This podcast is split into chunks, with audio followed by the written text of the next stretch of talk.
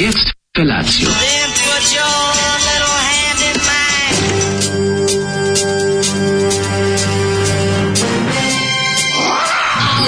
Grupa rozvojenih mladića trči po studenom vazduhu pre zore. Alarm. Ima da kane, nema problema. Svakog radnog jutra, od 7 do 10. Hajde, Geri,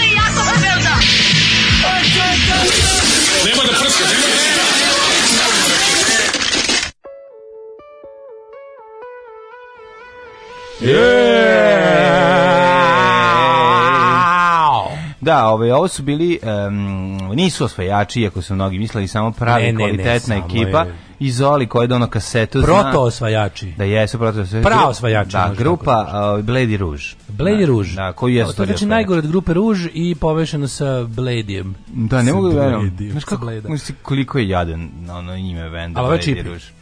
Ovo je čipi na vokalu i pretpostavljam da su deo, verovatno neki deo Sećaš osvajača. kad je u našem životu postoji samo jedan čips koji se zove Chippy Chips? Čipi čips, što meni tiče, Čipi Čips. što meni tiče, taj čips jedini i postoji. Chippy Chips, ili to bio čačak? Ja mislim da jeste. Ili je Chippy Chips bio nešto drugo? Ili su bili isto, a sve što, meni se čini da su bili Chippy Chips i Chips bio žuto. hrvatski. E, meni se čini da je bio, da. Da, Iki Viki Gric. Kvi igrici drugo nešto. Ali, A ovaj- ja isto je hrvatski. da, da, ali kažem, što se tiče krompir čipsa, A nije je- čipi čips uh, sloboda časak, je samo čips. Meni se, sloboda čačak, meni se čini da je Ovaj uh, čačak, da pik čačak. pik čačak, da. Meni se čini da je bio žuto crveni čips, taj čačak, i da je bio Chippy Chips iz, ja mislim, Hrvatske. Ja mislim isto, da, da, da. A možda grešim. Ovaj em, e, doživih da konačno Zoli ubode jednu pravu pesmu, bravo Đ, Ja sam... pik ovaj, čačak bog. Ja sam na taj čips na, na baždaren, taj čačak. na čipija? Na čačak, nisam čipija na nisi, čipije, ne mogu čipije. Kaže, super je stvar, samo da promene skroz reči i ovaj piskavi vokal. Da, znači, promijenite reči, piskavi vokal i, i, i sve drugo. O, Zoli Careš Bađe uvek imao, jer sam, kaži prsti mali podigao u zrak. O, da, da, da. Jesu li ovo osvojači imam osjećaj da je Čipijev glas da bi prepoznala među hiljadu? Jeste, prepoznali ste ga, ovaj, ovo je njegova ovaj, rana inkarnacija na početku njegove karijere. Pretpostavljam, pošto se radi o kasetnom izdanju, da su neke ono početak 90-ih. Možda Čip je Torima, Ja znaš da ja Čip sam- ja sam iskreno Čip je zabrinut. 60, go, 60 neko godište. Znao sam ja iskreno zabrinut time da ovde većina poruka je kao dobra je pesma. A vole ljudi. Da. What's wrong with you people? A nije loša pesma. Ovo jesu ima originalu, album s početka 90-ih, ja sam imao Pa kasetu. da, imaju riff, razumeš, ne možeš reći. Oj, kad kažeš imaju riff, tako da mi želju da, da, da Pa smolim sebe pa, pa, Pa studiju. šta sad dođeš protiv toga, mislim, ono ima pesma ima do, kreće durom, ide onda u mol, pa opet ide u veselo, pa nešto su Sve smišljali. što želim da kažem, bilo je i goreg Pa sranja. napravili su, mislim, daleko od Bilo toga da je ovo dobro. daleko od toga da je ovo dobro, da je sad, ne znam, vrhunski dobro, ali... Kako ćorava koka obode zrno, tako i Zoli se ne obruka baš uvek. Pa da. Kao što to nije slučaj ovaj put. Čipi, čips i kroki krokit su od Franka. Odrastao sam na tome. Eto, da E, čipi, čipi, čipi, čips, čipi, da, Frank, čipi, čips, da, Frank. da, da. Ja Frank. volim onu stvar od osvojača. A ti znaš kako Tener, Znam, znam, ako sad odeš, ostaću za uvek. To je faze kad joj treba pređu Maidene. Ne znam da li je trebao, ali, ali taj ono, Ta stvar ima, maska se zove.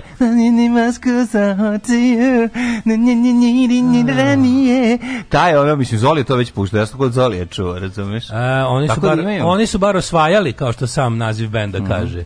Sad sjeti kad kažu Frank, ovaj, Frank kafa i to sve, pa je onda bilo posle rata, pošto, to, pošto je to stari brend, to je od pre rata. Da, znaš, znam, I da onda, su i onda, partizanke ne stavili da pije. Ne, ne, ne, mislili. nego bi mislili da to nema veze sa Frankom iz Španije. Pa. I onda su ove rekla kao, eto kao posle rata je bila neka kafe, že škola, opismenjavanje, nešto i sad ova drugarica predaje drugi drugarica mi kaže, ali eto neke kao fašizam je povezan svuda, međutim naši kao drugovi u Španiji i dalje žive pod Frankovom diktaturom, jedna žena usne kaže, tu đubre jedno, dosta nas je on kavom trovao. Da, da, da, čuveni. I on kavom Da li urbana, da li ne, ne, da urbana pravo. Pa mislim, legenda? dobro se prenosi, tako da verovatno ovaj, Da, da, ima da. nešto. Dosta E, kad sam bio mlad, mršav i dugi plave kose, ljudi su mi govorili da sam čipi. Kad sam ga bolje pogledao, skapirao sam da me vređaju. Dobro jutro, drugari. Šta je bre ovo od. Zolike? Pa ja ne znam za neku verziju ove pesme koja je mnogo bolja od ove. Da, Opet je neko sranje izvedba. Sad ću vam ja reći šta je. Ovu pesmu su kasnije svirali i osvajači i dosta je bila mekša. Znaš, Dobra a je pesma, hvala kurcu se završila. A ovo je, ovo je, ovo je, že, ovo je žestok, žestoki metal. Um, kaže, idemo čipi, samo seksi sreda, samo rock and roll. Rock and roll. E, Čip je bre harao po tim harao uh, motoskupovima. Ja kontam da, da, ja kontam da Čip je bio baš, baš ono, tro, da baš trošio svoje vokalne Kako sposobnosti. si se, kako, ja sam Ma, se- odvratno, Ja ne, sam ne, se ja sam lego da spavam. O, blago tebi, ja sam, ovaj, A ja sam, ja blago? sam u 11. Tad izbor spavao popodne juče. Da, da, To je gore, e, pa nisam juče nešto popodne spavao, znači imao sam nešto da... To ja baš Kako mi je, prehlađen sam, kljakav sam, grebe me grlo, znaš, ono odvratno. Ja, ja. Kako mrzim što ne mogu lepo da... Stvari, prvo mrzim što sam toliko puta us, po, ovaj, po, po zimi bola. Toliko puta prehladim godišnje, to nije normalno. Da. Znači, šest prehlada godišnje imam jebote, ono. Da, ne možeš, brate, ne, ne, nema sreće u šest ujutru, ljudi, zapamtite, ništa vam pare ne vrede kada ustajete rano. Ništa. Ništa ne vrede pare. Znači, možda budeš milioner ako ćeš da ustaješ rano ujutru. To nije srećan život. Mi smo nesrećnici. Ja sam nesrećnik jednostavno i to je to. Ti kreten.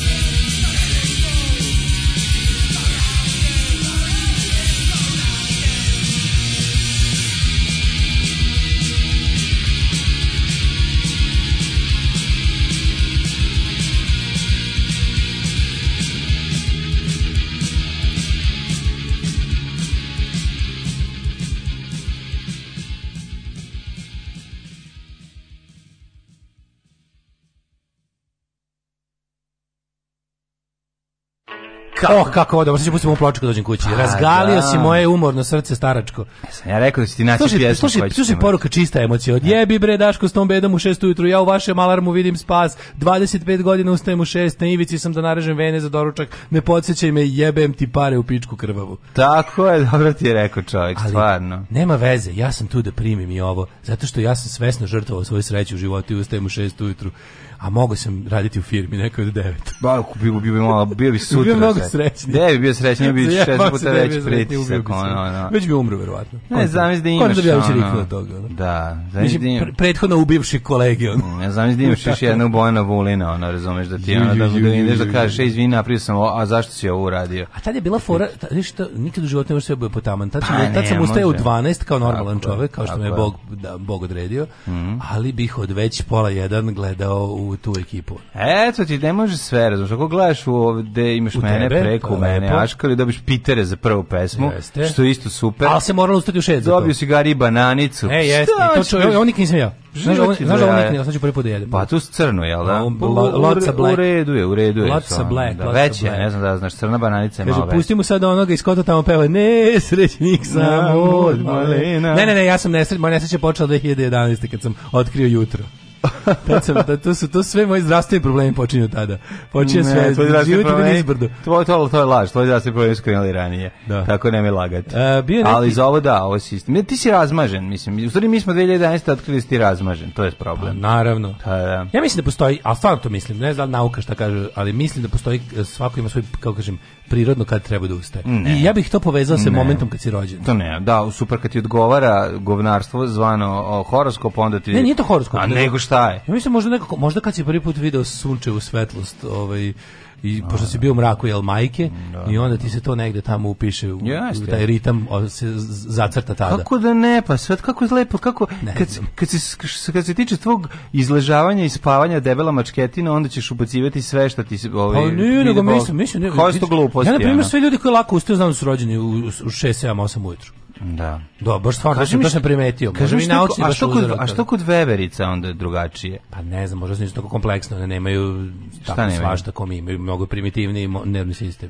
Pa, im- pa imaju primitiv, imaju manji mozak za Pa i početak. to, pa za početak. I zbog toga, jel da? Pa ko zna, ne znam, ovo sam, mislim, eto, ako neko ima vremena, ako sluša Mm. Nema niko vremena da sluša tvoje gluposti. Ne, a? Pošto su tolike Ako gluposti. neko ima da ono- vremena, radi na institutu za neurologiju i ovaj, Da, da, da. nešto tako, neko malo to istraži.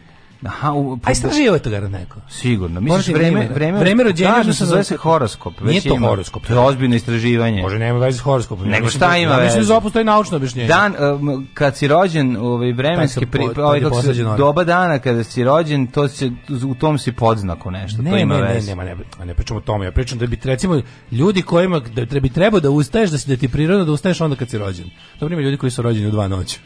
Šta da im radi? Mislim, tvoje, osim što nervira ova, Da. ova teorija... Što ona- nervira? Kako misliš, ko, ko su ljudi koji trebaju ustanu u tri, ko je u, četiri? Dobro ujutru? ne mislim, ali Pekari. ono kao pomislim da možda ne znam šta sa. Šta sve ljudi Hoću ti istraživali? samo da... Šta? Ovo ti je recimo zašto super. se tebi... Da, Ovo ti je super da da Tebi se tema da kosmos- dobiješ ono Ig Nobelovu nagradu. Ne može kosmos da Nije bude... to kosmos. Ma jeste, A ne mislim ja da kosmos, ja mislim samo kao tebe. čovek ugledao prvi put, probudili ga, da tako kažem, u određeno doba dana i to mu je za njega to kao prirodno. Ne znam samo zašto, kažem ti, nisu, nije tako, pošto A, ima neko dobro. ustaje u jedan, ima ustaje u tri. Šta Evo, ja sam se ljudi, rodio u vampiri ili 5 ja sam se rodio u 5:40 i ubiću se. Pa da, znaš, ono, šta to znači? Ti ljudi što su rodi- rodili u tri, to su pekari. Da. Znaš, oni su po prirodi već određeni da budu pekari. Šta je ono kao, ovaj, zašto bi onda bilo čiju, šta u- ljudi imaju insomniju, pa ćete ko je pakao. Ja ne mogu da prebacim 5, a realno bi mogao da ustanem u 6:30. Mm. E, ja sam rođen u 19:30, nikad u životu nisam ustao posle 9 i 15, a najčešće ustajem do 8. Evo i sad ništa ne radim, a ustao sam vas da slušam. Ima logike, ja sam rođen u 10 i ništa mi se pre toga ne diže. Nemojte mu ljudi davati više. Ovaj. Ovaj, da, dati materijal. Po tvojoj teoriji, ljudi koji su rođeni uveče bi trebalo da su predviđeni da briljiraju noćnim smenama. Ne znam, treba ispitati korelaciju. E, kaže ovako, e, e, e, u mraku majke, eto ime za bend koji će zoli da pušta u 7 ujutru. ja sam jutro ustao u 3 da radim, radim od kuće pa mogu, a rođen sam u 13. Odmah ti propade teorija. Ma propade mu teorija istog trenutka kad je on pokušao da je poveže sa svojim ovaj, osjećajem da ne želi... Da, Dajte Srđanu i Đoletu jutarnji, vi radite noćni i da ne slušamo više ovo. Kad- Umi se ladno vodu napolju na česmi. Tako Mlađo, ti je. si ljudina. Pa nije, hvala vam ljudi, divni. Pa ja služim da on ovdje ispane ljudina. Ne, mislim, nije teško ispesti ljudina pored tebe. Danas sam neuran jer vozim auto na tehnički, pa ako može, ovo je jedna želja, vređinski bazen. Brežinski bazen, naći ćemo, naći ćemo. Kaže, sprobaj nekada da legneš ranije. Nema to veze, kasno ustajanje. Naravno da ima veze. I Samo što nikad veze. ne... Au, ima veze. Zato što Da li ti si u Matrixu i praviš struju za Pink TV?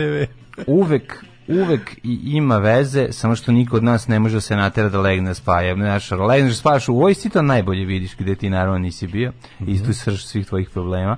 Jer nisi postao čovek. Ove, kako se zove, trebalo bi da Ja bi shvatiš... Kid Mendy u vojsci. Ne, ti kao Mendis. Ove, tebi, tebi bi dali bre naj, neki najgore. Ti bi bio ćata, ona ima bi one jadne bojice, kao što sam i ja imao i tamo bi upisivao one kvadratiće kao mentol. Ove, nego je druga stvar u pitanju. Tamo shvatiš da dan može biti jako, jako dug kad čovjek ustane u pet, a kad legne u devet, pola deset i zaspi u deset, zaista može da se naspava. A inače dan, ne, ne, ne, uspio nekad predugo zaspiš u deset? je. Ja sam, ali možeš fizički se izmoriš.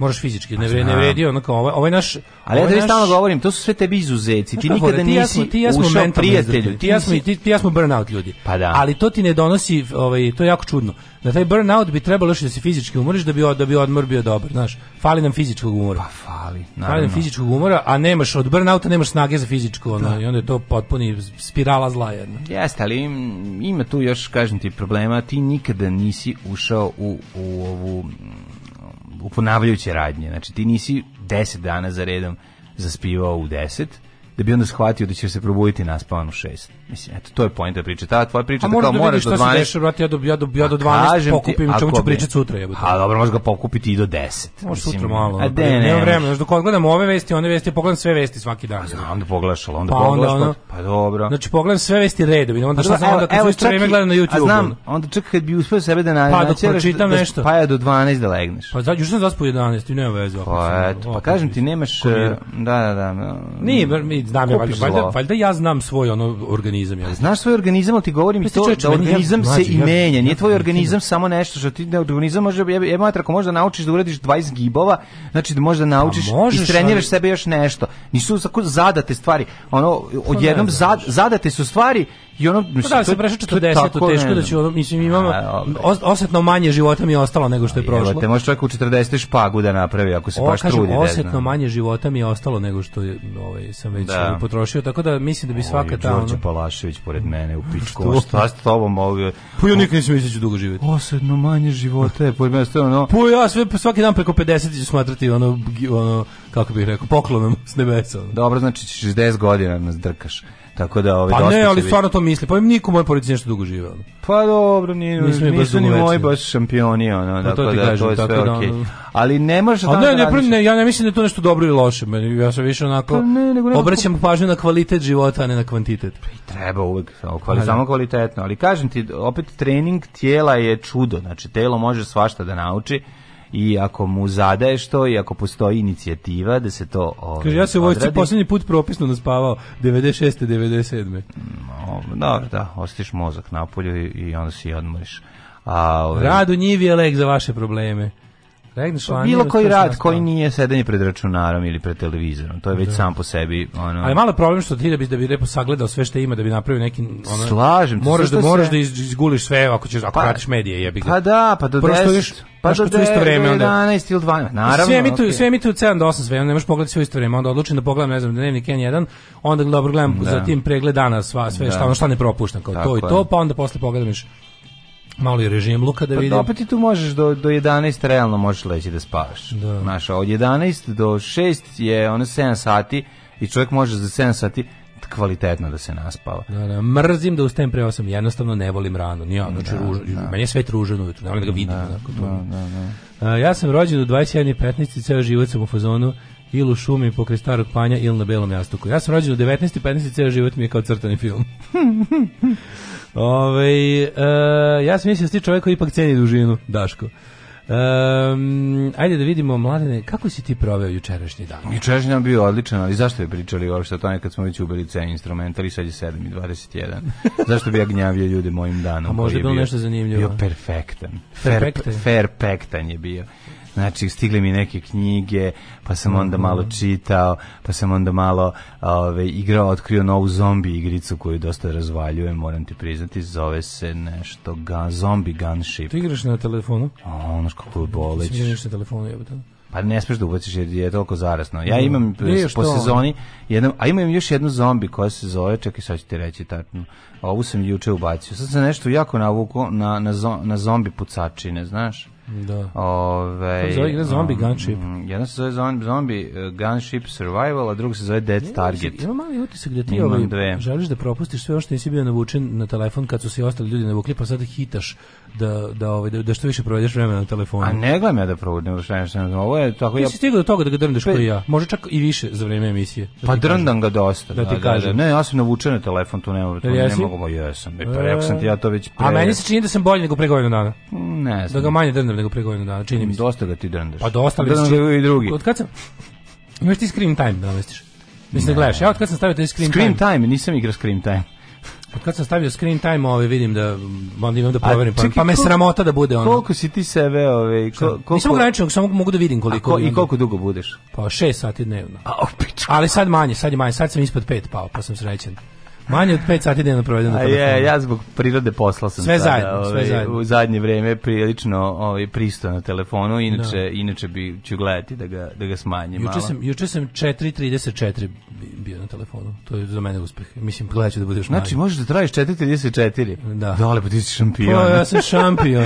Šta si ti juče radio? E, sad mi se pobrkao mi se jučerašnji prekjučerašnji dan. A zašto Da, zaboravio? ja sam juče mislio nešto da je ponedeljak, meni se sve zbog ono E, si našao sutra ovaj substitute for another guy? Ne, to ćemo na kraju emisije pričati ljudi da ih iznenadimo. Pa neću ni iznenadimo, sutra ja dobio Da. ovaj, pa dobio sam poziv taj za. Da, idem da, sutra, sud. sutra ujutro idem ovaj baš u vreme emisije, eto.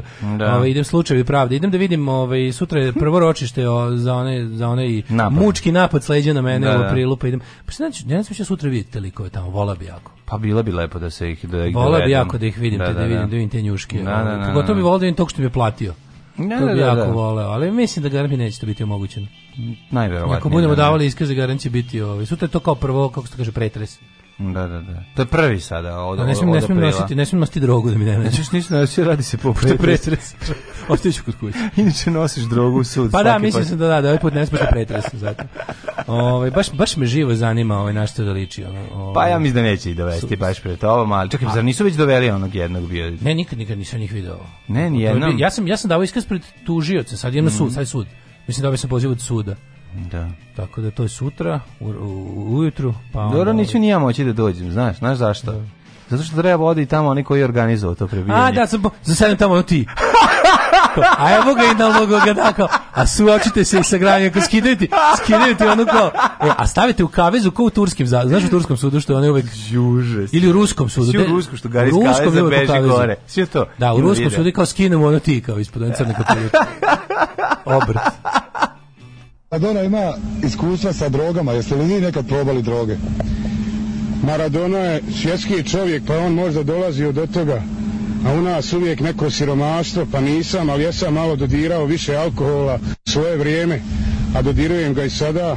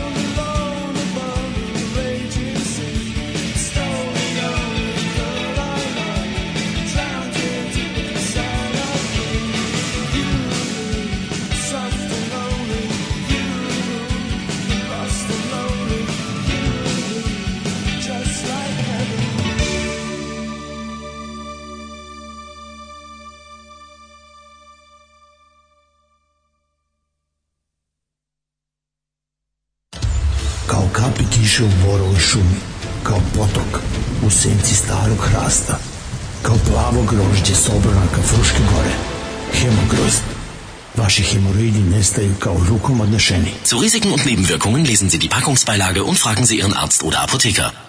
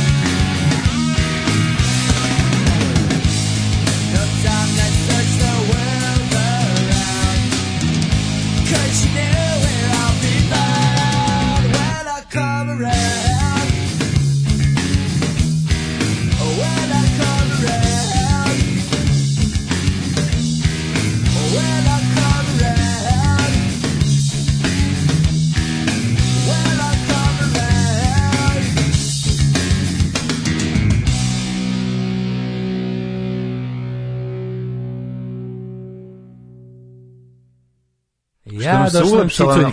Maca nam se ulepšala. Maca nam se ulepšala, ova naša, ova naša divljakuša ima ovu zimsku bundicu, mnogo slatko. Mm. Zaboravila Aj, mislim da je opet nas. trudna, čini mi se. Nije stalno tu ono u kutiji. Ja kad znam da, znam da ona jeste u kutiji, ali zaboravila na nas, nekad smo ja i ona imali bliže intimnije Jeste, pa odnose. znao da uđe da bude. Aj sad uđi malo da se greješ. Uđi mala da se griješ, ona da se da se greje. slatko toplo smiješ. Neće da uđe ovi, zato što uvek gleda kao, ona je kao crni roko, razumeš, gleda gde su vrata, gde su vrata da le- i leđa leđa za zid. za zid. Da, da, da. naravno, naravno. Čim se pređe 40, a manje se drnda, priroda tako je uredila. Ove, znači, svi živimo kako ne volimo i nezdravo zbog posla. E, kaže, vidjet ćeš ih, moraju biti prisutni, pa ja se nadam, to bi jako volao. Ove, e, stavi ograničenje screen time na 4 sata, pa smanju pomalo svaki dan. Wow, opet sam tinejdžerka od ove, ove, kako se zove, pesme. E, što se tiče spavanja, legneš u 9, e, izdrkaš u 9, spavaš i u 6 si ko nov. A ne, posle moraš da još se pereš, ne, nije, nemaš, nemaš to. Mislim, mi, Ju, koji si ti ne panker, ono? mi, ovaj, mi čistunci ne možemo. bre, nema, brate, obrišiš u čistunci zavesu, zna ne se kako se daleko- radi. Daleko mi zavesa, mada u stvari... Obrišiš u klimu, Mislim, Da. ako si pravi panker, ako si ono pravi skrnaver, ono, nisi, Da, da, da, da. Nisi I valjda, brate, pička, ono da se, se prodao i da si počeo koristiš sapun i da se pereš. Skinu mlađi kapuljaču, on pogleda Daška pogleda mi i kaže mu, šajim se. Šio, jo, jo, jo, jo. Za Skine- ne. život, kaže, Moja, moja, moj lik onda skinu taj lik mo, maske, pa iza tek stoji baka prase, pa skinu taj lik, pa skine taj lik, pa iza toga stoji Pavle Bihalji, pa skine tu taj lik, Ko i u na kraju ostane Vir Virko, Vir Virko ti to organizovao. Na kraju ostane skeletor koji izmislio- organizovao. Jer si izmislio njegov, ovaj, Da. njegov nadimak. Ovaj, za dug život moraš imati vreme samo za sebe. Posle emisije zavali se u fotelju, uberi činiju smokava, pusti Miru Medunjanin ili neku drugu bumerku i odbinđuj prvu sezonu Ali McBeal. Jo, jo, jo, jo, čilija smokava, jali mi bil, pa tako on zamišlja pakao.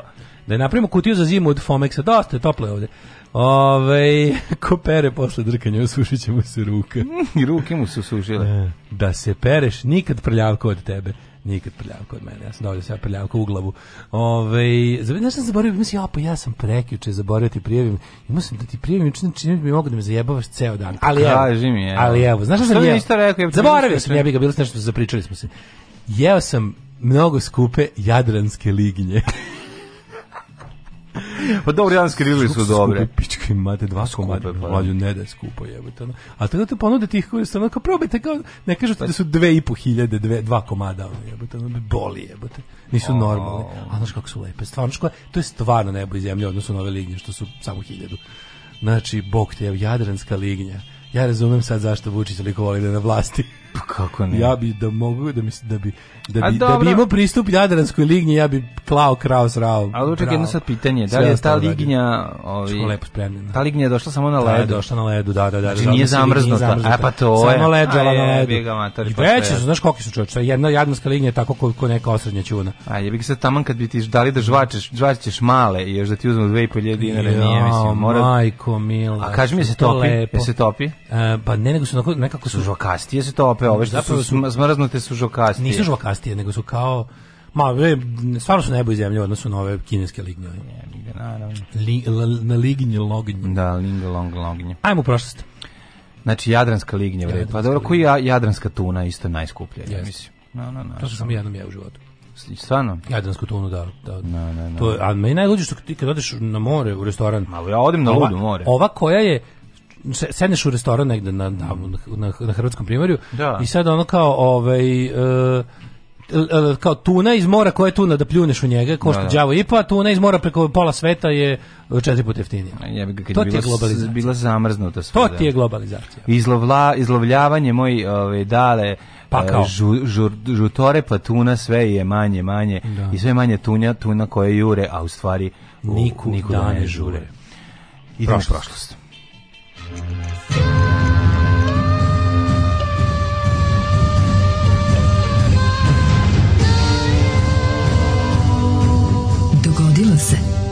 Današnji dan. A kaže, evo neko je video sam te kroz izlog riba, ribe grize rep, jeste, da. A gde si bio? Pa, gde može jedan tu, ne znam, samo sam imao tamo. u Novom Sadu si Pa to riba, ribe grize rep, znaš ono, znaš konobu. ne Nisi ga bio tamo? nikad nisam ni čuo godina postoji. Nisi čuo za r, r, g, r. nisam r, r, g, r. drug Raša. Mhm. Ovaj, drug Raša legendarni, legendarni, genijalni, brutalni konobar iz Crnog bika.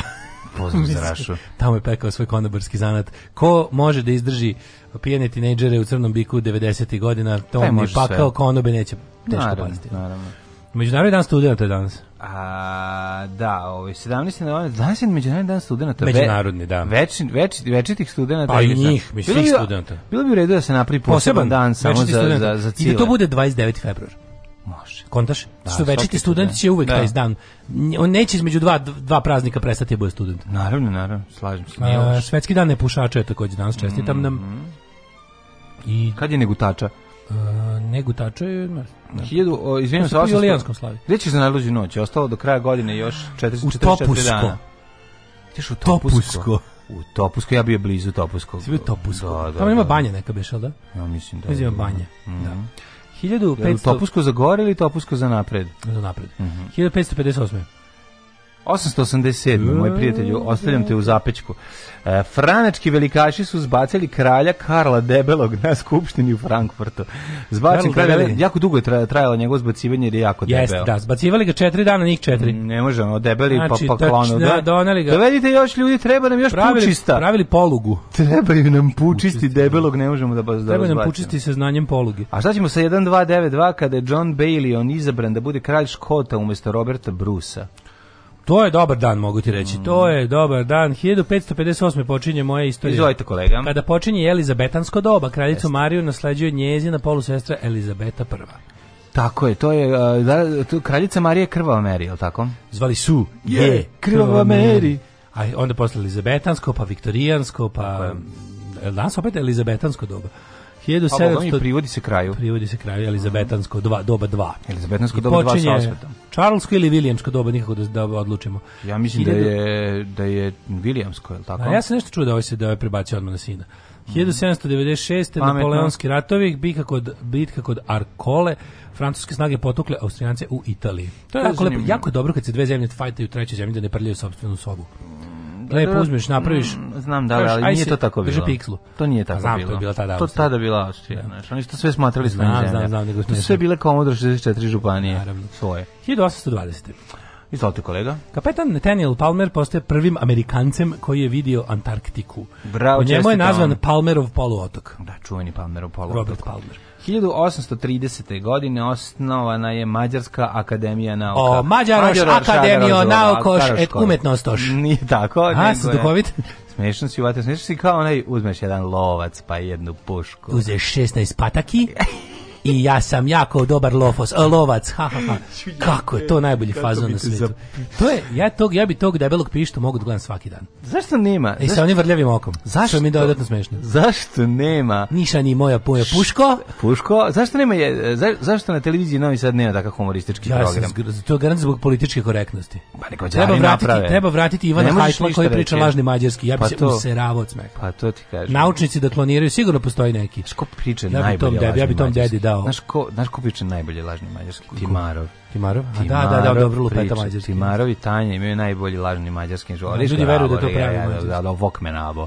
Znaš kako je Vokmenabo. ubaci neko po, po neku reč koja je da, Da. o, vokmenabo, žegar, vidi, da, da, da, ja, ja, Lažni mađarski kolevka mog humora. Pa da, pa ste pričao da je ovaj mislio... Da je ovaj- pravi kao kad su došli Mađari Zato ti da pričaš. da prevodite. Ali mi izmišljamo, ono, kao mađarski normalan. Jer on misli da kao novosađeni, novosađeni kao već znaju mađarski. Jako je smešno i dobro i carski što taj mađarski nema veze ni sa kojim okolnim jezikom i onda to bude super materijal za lupetanje. Pa da. Zato što nema veze s ni sa jednim Dobro, oni bukvalno. imaju Svi sluha. drugi jezici su manje više su- povezani. Oni su glumci imaju sluha, pa onda naši pa pavataju dobro i onda... rumunski nema veze sa okolnim jezicima. Ali bar više nekako, ja, Pa rumunski, kad uzmeš, na primjer, na, La la laj laj laj laj laj. pročitaš pasus na rumunskom Mhm. i pročitaš pasus na mađarskom. Više razumeš reči na rumunskom. Pa naravno više razumeš kad je ono romanski jezik. Da, da, da, pa više naravno. No, ako, A merci je hvala na rumunskom. Pa kažem, ako pročitaš pasus na rumunskom, znaćeš desetak reči, na mađarskoj ćeš dve znati. Da me nače i to splače samo sa zato što ih znaš, aj. samo zato što znaš baš ne liči ni na što iz drugog jezika, nego znaš ih već na mađarskom. Ču, pitao si. Kažem ti, da me naći splaće, splakaće aj. To je na rumunskom, ako nemaš ono što želiš, budi zadovoljan sa onim što imaš. Dizastru lajnu, Da, i tako dalje, i tako dalje. I mega strukturi. Mega strukturi, da, da. 1839. Ali meni je najbolje, ako nemaš ono što želiš, budi zadovoljan sa onim što imaš. imaš. Pa koliko to, da To je, jako. to, je, to je prava luzerska, ono. Pa da. To je prava Pa više to ćuti se da dobro da te ono čušesku ne dohvati. Pa. I sekuritatea. Da. Premijera Verdeve opere Oberto Conte di San Bonifacio u Mhm. Milanu. 1855. Livingston otkrio za vodopad venecizam bez nazvane po engleskoj kraljici Viktoriji. Tako je, po Snežani Mišković Viktoriji, ovaj, predivni, predivni vodopadi, Uh, on je došao do njih i rekao uh, Viktorini vodopede, uh, zar ne? A ovaj rekao da je on ih je otkrio Viktorini vodopede su dugo vreme bili izgubljeni. Da. Ne znam da znaš u O, džungli. konačno ih neko pronašao. Da. 1869. svečana ceremonija u Egiptu povodom otvaranja Svetskog kanala koja povezuje Sredozemno s Crvenim morom. Mhm. Koja su rekao, šta smo rekli, koja ove, opera je izvođena? Aida. Tako je, Alma i Aida. 76. U Moskvi premjerno izvedena kompozicija Petra Čajkovskog, srpsko-ruski marš. Mhm. A To nije 1913... poznato. Kako to u našem loženju na Rusiju nije kod nas poznatija muzička tema? Pa ne znam. Uh, 1913. To je garant Čajkovski ono skurcao za minut, ono platili mu ono, svoje. platili mu nešto, on ga ono kao odradio, evo. Ma, Evo, evo komad nečeg što sam inako napisao.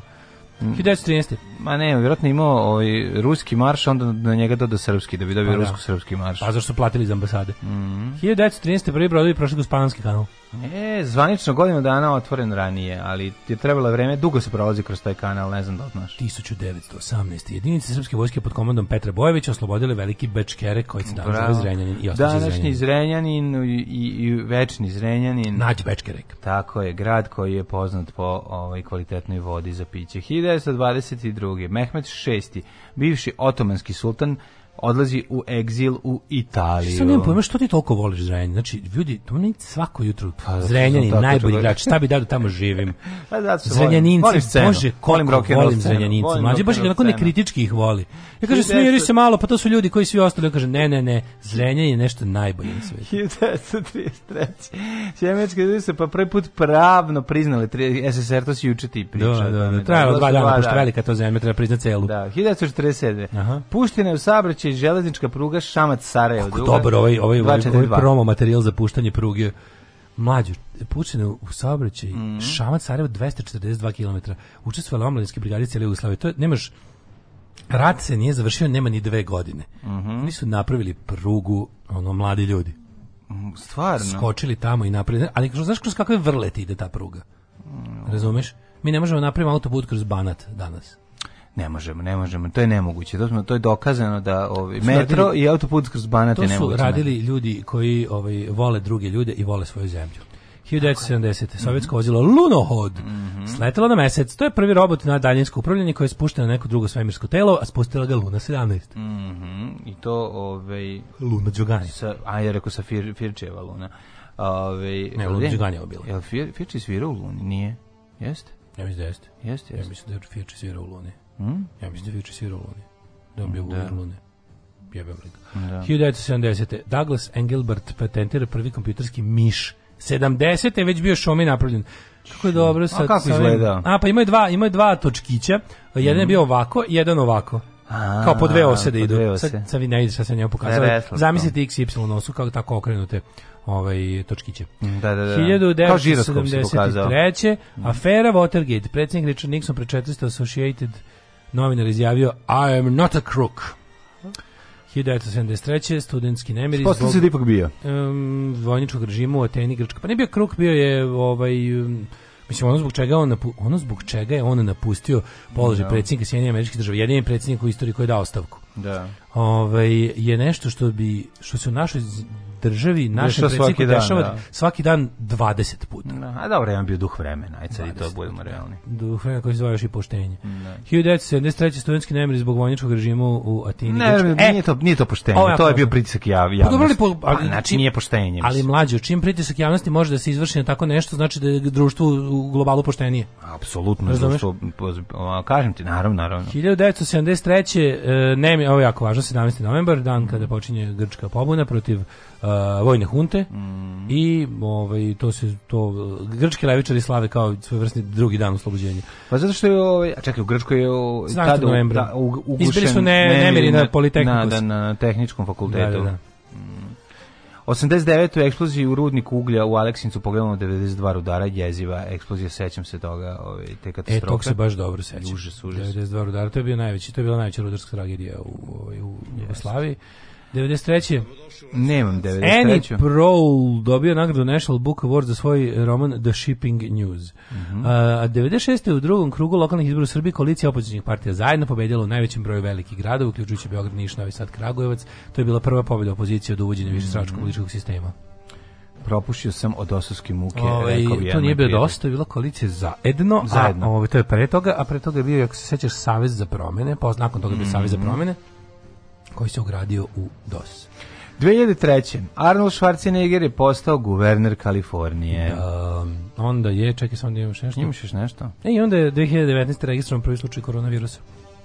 55-godišnji muškarac iz kineske provincije Hubei. Dobrodošli u Leskovac, prštionicu Roštilja.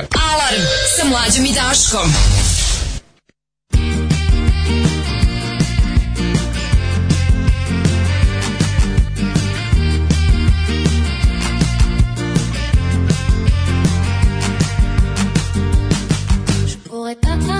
Comme ça et d'un coup t'arracher les yeux. Si tu ne me regardais pas avec la joie d'être amoureux, je pourrais tourner sur la tête, devenir folle en quelques heures. Si jamais tu prenais l'envie de ne plus croire en mon bonheur, ça me fait mal, ça me brûle à l'intérieur.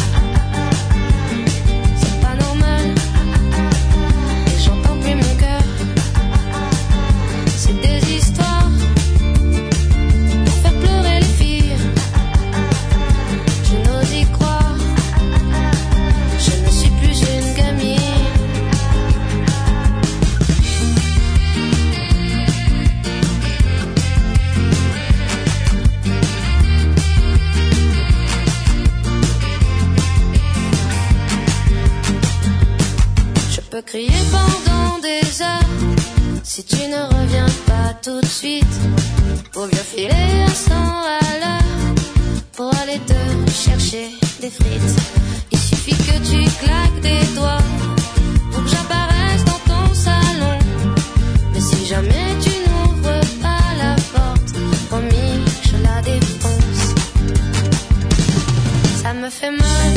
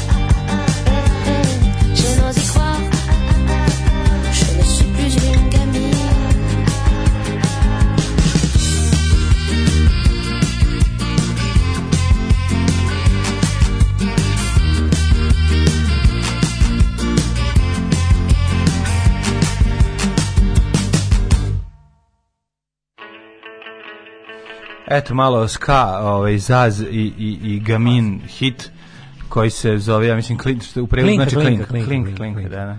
A, joj, najbolju ribu sam jeo na ribljoj pijaci u Torransu. Torrance je predgrađe Los Angelesa, na samoj obali Pacifika, USA, ako neko ne zna. A, Ove, eto, mi zato plaćamo da jedeš te gnjide od dve i po gnjide. E, Jadranska aba lignja, što neko reče, a da neko je krudi. E, Jadranka super lignja, razumeće oni koji prate košarku. E, ovaj, e, bila situacija, lignje jedeš i plačeš, ali ti je lepo. Ove, jedna lignja košta ko janje, pa ti vidi. Nije ta lignja videla ja- Jadrana, pa ako ih lik koji živi pored džamije u Bosni. E, znate za Instagram profil Crn Rez ozbiljna boleština, vama bi se dopalo, povremeno bi crkli od tog humora. E, krajiški grob Drakula je legenda i najbolji sporni lik, treba ga više u državnom poslu. da, da. E, ovaj, srpski marš se danas zove slovenski marš. E, dobro, čekaj da vidim ja na na Instagramu. Kako se zove Crni rez? Crn, donja crta, rez. Mhm.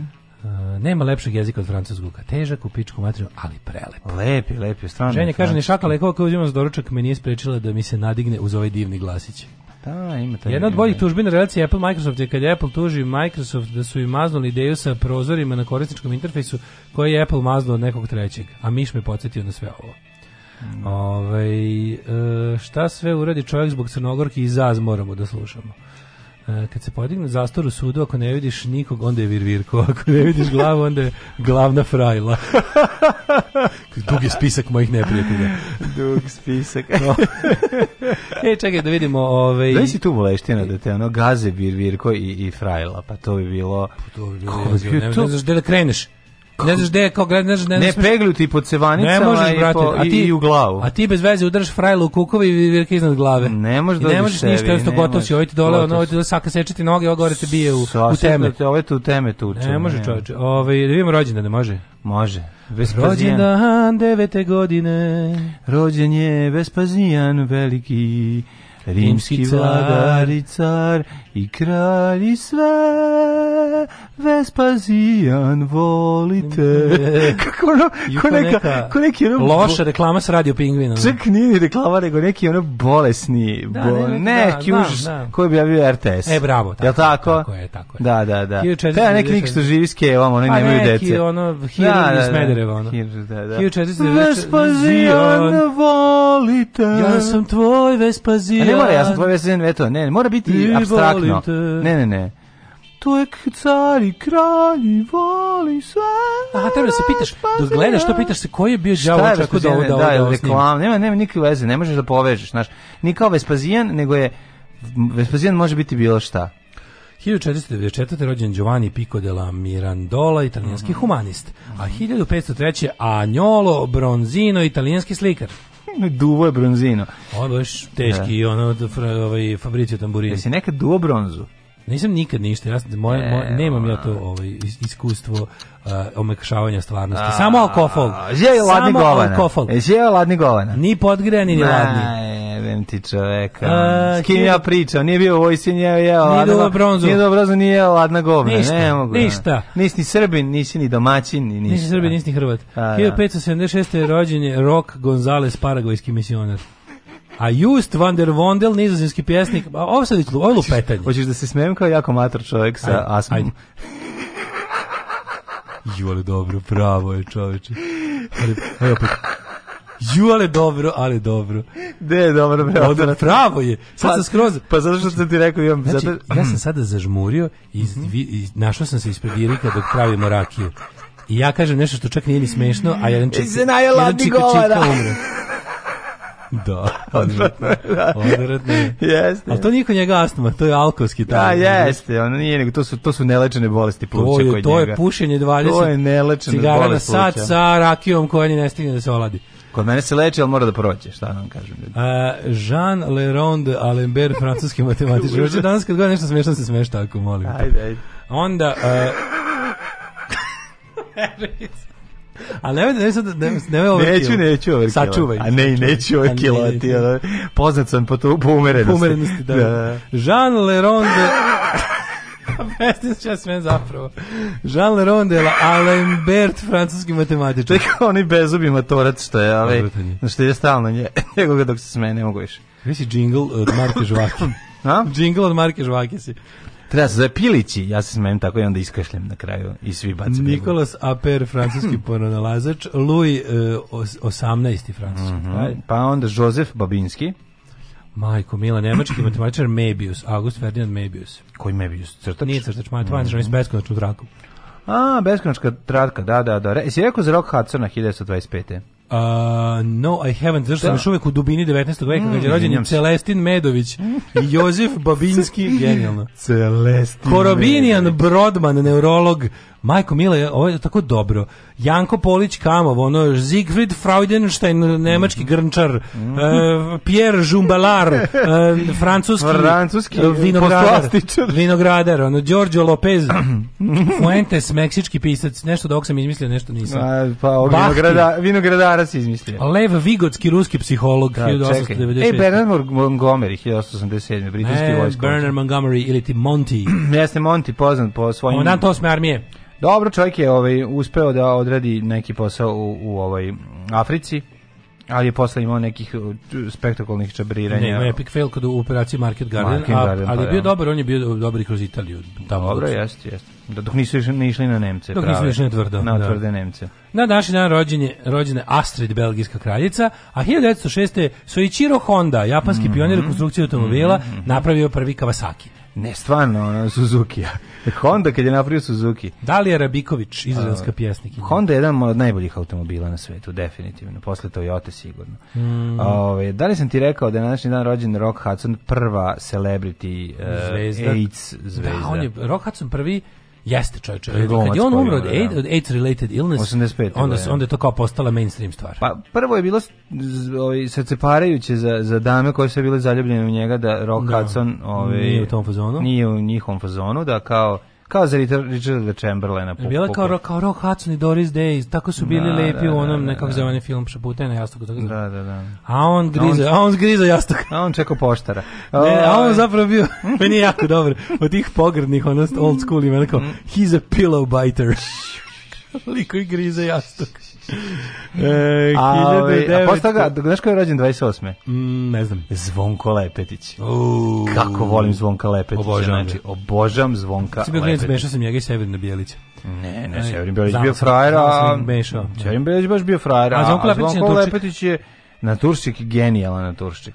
Uh, Martin Zvonko Lepetić je bio sve samo ne frajer, on je bio baš ono običan čovjek. običan čovjek iz naroda. To, je da, bila da. njegova ono... Bilo je moć. Odličan, Da, da, ja sviram harmoniku, to je on. Ja sviram harmoniku. Da, da. Martin Scorsese, 42. godište. Jes, 42. Stvari, Martin Scorsese se kaže. Uh, Scorsese, treba kao, kao Matsuda. Sad ćemo otkrivimo način na koji se, drugi način koji niko nije znao kako se ja nešto čita. plakat. Matsuda. Imam uramljeni plakat taksiste sa festa. I tu piše režije Martin Scorsese. Kao sve stran, da, sve Da, da, da, da. Sibyl Shepard. Mm. 44. Michael Daniel DeVito. E, a 40... Danny DeVito. Danny DeVito, jeste. Denim DeVito. a Danny DeVito, legenda, kralj, bog car. 45. Ovaj, upoznam Danny, Danny DeVito, znači To ovi Sunny Điđa, in Philadelphia, 45. Điđa. genijalno. A Điđi Karanović je rođen 45. Naša, Mi ga zovemo Điđa. Genijalni ovaj, On je scenarista, radio, ovaj, reditelj. on je radio, bio zaposlen televiziji Novi Sad. Jeste? Jeste, ja sam ga viđao tamo kad sam bio, kad je Kević na poslu. A 57. rođena je, da ne umre nikada, da uvijek bude najbolja na svetu. Dragica Radosavljević. The Sweetness. The Sweetness. The cuteness. Cakana. Cakana, cakana, cakana. A zatim uh, RuPaul, američki glumac. RuPaul. Drag RuPaul. queen. eh. Jupol je. A piše, ovde piše RuPaul. RuPaul. Malo ovako piše Da, jedna da, da, reč. Kod RuPaul. mene, kod mene transkribovano, malo sam Da, nesrećen da, kad RuPaul. čitam. E, Rupola Homini, Da. 1960. Tihomir Stranić. Mm, dobar glumac. 65. Goran Grgić, glumac. 66. Sophie Marceau, Da, francuska da, glumica, da. rediteljka, scenarijskinja, spisateljica Sophie Marceau. Uh, 1966. Pa je dobro. Jeff Buckley, Mhm. njega vole cure od prerano otišli. Aleksej Umaranov, klizač. Ko je taj Jack Buckley? Koliko je Jeff Buckley? Pa, Jeff Buckley. Ne znam, ne znam. Ja ne, ne lepotaš, ima jedan album objavio, uda, udaveo se. A. E, Bern Schneider, nemački futbaler, e, Reggie Wa- Wayne, igrač američkog futbola. Ej, Ra- Rachel McAdams, kanadska glumica, ona je slatkača. Umro Valentin Tintininijan, 375. Mm. Grgur Turski, franački biskup, istoričar i potonji svetac. Da. Na današnji dan umre Jome, japanski ko je rođen još danas, a, preskočio si je? Tko? 1987. A tako.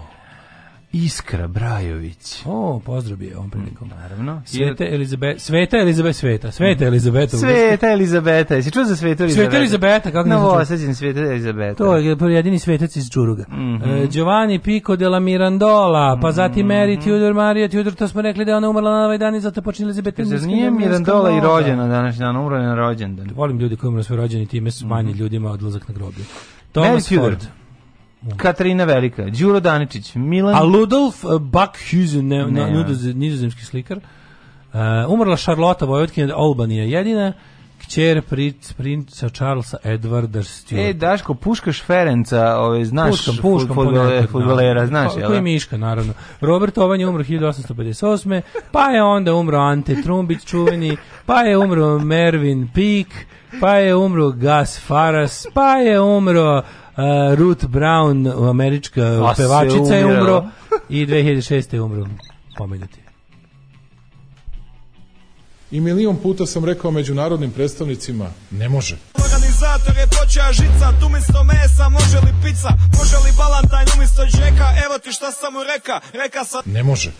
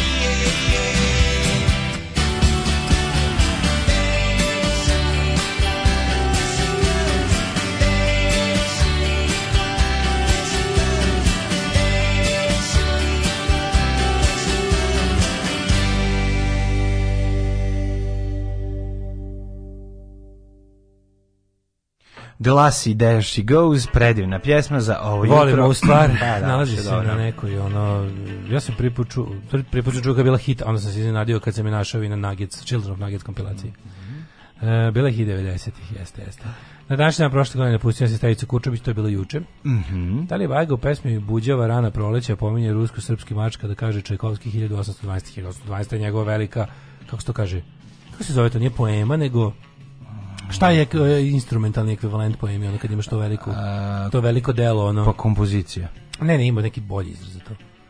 Ovaj ja bih ga ne mogu se setiti. Ono što je i ono što je kod Šostakovića, ovaj Leningrad, Leningradska A, šta? Simfonija. Lenin- simfonija, Simfonija. simfonija, da, A, dva puta bio Simfonija u USA Stravi užas. I nije mi se išlo nešto posebno. Celestin Medović Franjevac, slikar, srbin, katolik i moj čukun stric. Bravo! O, čovječe. Bravo! Što se kaže, Rock Hudson je bio i na struju i na baterije. Sve radio. Um, Amber Michael Arg nemoj mlađu otićeti na zlo Uh, pa pravo je jer je mator i ima astmu on ništa ni ne glumi Uh, kad smo kod Instagrama znate li gospođicu soft sparkling naravno da znamo sport pa soft sparkling naravno uh, ovaj, uh, čestitam ja vama svetski dan nepušača uz pozdrav Nika Duvan samo ekološke Prestanite. Gori si od crna rez Prestanite, da, da, da, da, da, da, da. Gori se crn rez. Ajmo mladene da vidimo mi. Mhm. Mladene. Microclimb. Moj prijatelj, druže, brate, Mhm. pobrati me. Sapatniče jedini. Divan si što si Vreme. vreme.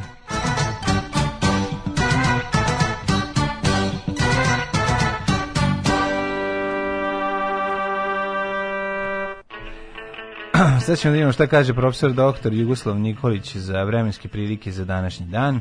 Imali njegove slike i dalje u uglu ili se nešto promenilo? Dale, Kažem, danas zvanično počinje bedno doba. Ovaj dan sam stavio kapu prvi put ove godine. Turio kapu. Bio jedan stepen kad sam izašao iz kuće čoveče. pa dobro što možeš Van bez kape. degree je bio. Jimmy Kapa. Jimmy Kapa. Jimmy Kapa. Prvu kapu. Ma ne, ne, ne, kosu. A da, ladno. Ladno, kape. bre, čoveče. Da, ladno. Jedan stepen u Subotici, u Somboru, u Novom Sadu, u Zrenjaninu, u, Ki- u Kikindi minus jedan. Znači, ladno jutro. Banjska Karlovac 4, Loznica 1, Mitrovica 3, čak ni dve moče i jogurt Nisu u pekari kao ovaj nikad sistem. nisu mogli to da poprave, jednostavno ova ladnoća je takva. A, onda imamo šta imamo još, čekaj, čekaj vremenske prilike, vremenske prilike. Beograd 0, Kragovec Kepan, Smederska palanka 4, Veliko gradište čak 8, tamo je uvek ovaj mikroklima drugačija u odnosu na ostatak Srbije i to mi se jako dopada.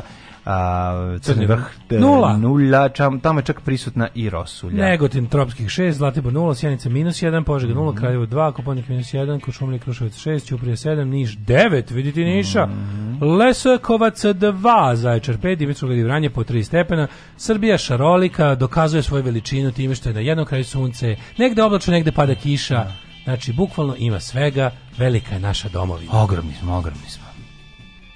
Svakog prokletog radnog jutra. Nema crnje generacije od vas. Vi ste debili klasični. Alarm sa mlađom i Daškom. Alarm.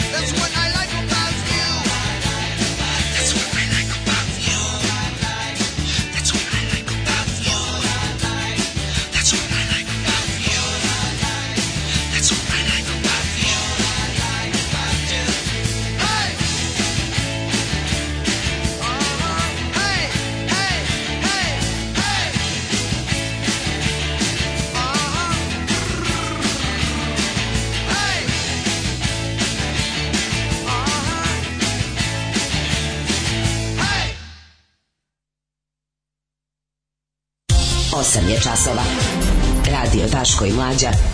Prvi program. Evo nas u 8 sati i 12 minuta, ovaj pravi trenutak, ovaj, ovo je, ovo je pravo vreme, nismo više 8 i 20 nešto, pa da, kako nego, 8 i 12 pravi, ako tek smo u, ušli u drugi sat i pripremamo se da ovo, otvorimo novine, da vidimo šta ima novo u svetu politike, Kaže, unutrašnje pitanje spoljne. za mlađu, ko u originalu peva stvar koju je Regman obradio na posljednjem koncertu?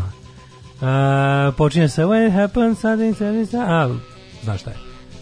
A, a, Looking at you. A, Looking at you, MC5. MC5 original, da, da, da, da. da. Imate njihovu verziju, imate od Damned super verziju, da. imate Dragmana super verziju. Pa da. Pesma bez greške. Ali original je MC5. MC5 original i to poslušajte original MC5, to je stvarno najlepše. Meni je najdraži ipak od Damneda. A dobro, prva ti koji se čuo, pa zato. E, koliko Draže je meni od lep- lepše mi valja od, od, od MC5-a, zato što više imaš da čuješ pesme.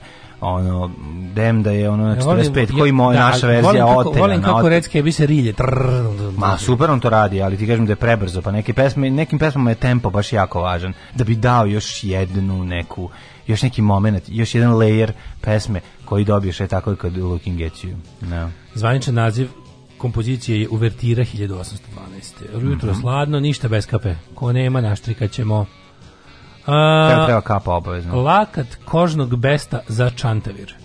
812. je uvertira, u nešto veće, pretpostavljam. Mhm. Ovaj, koliko sam zapravo ne razmišljajući slušala mikroklimu na ovlaš da sam tek skoro pomislila, pa to što Daško kaže Nedžetajn zapravo ima smisla. Možda nisam samo ne jutarnja osoba plus rasejana.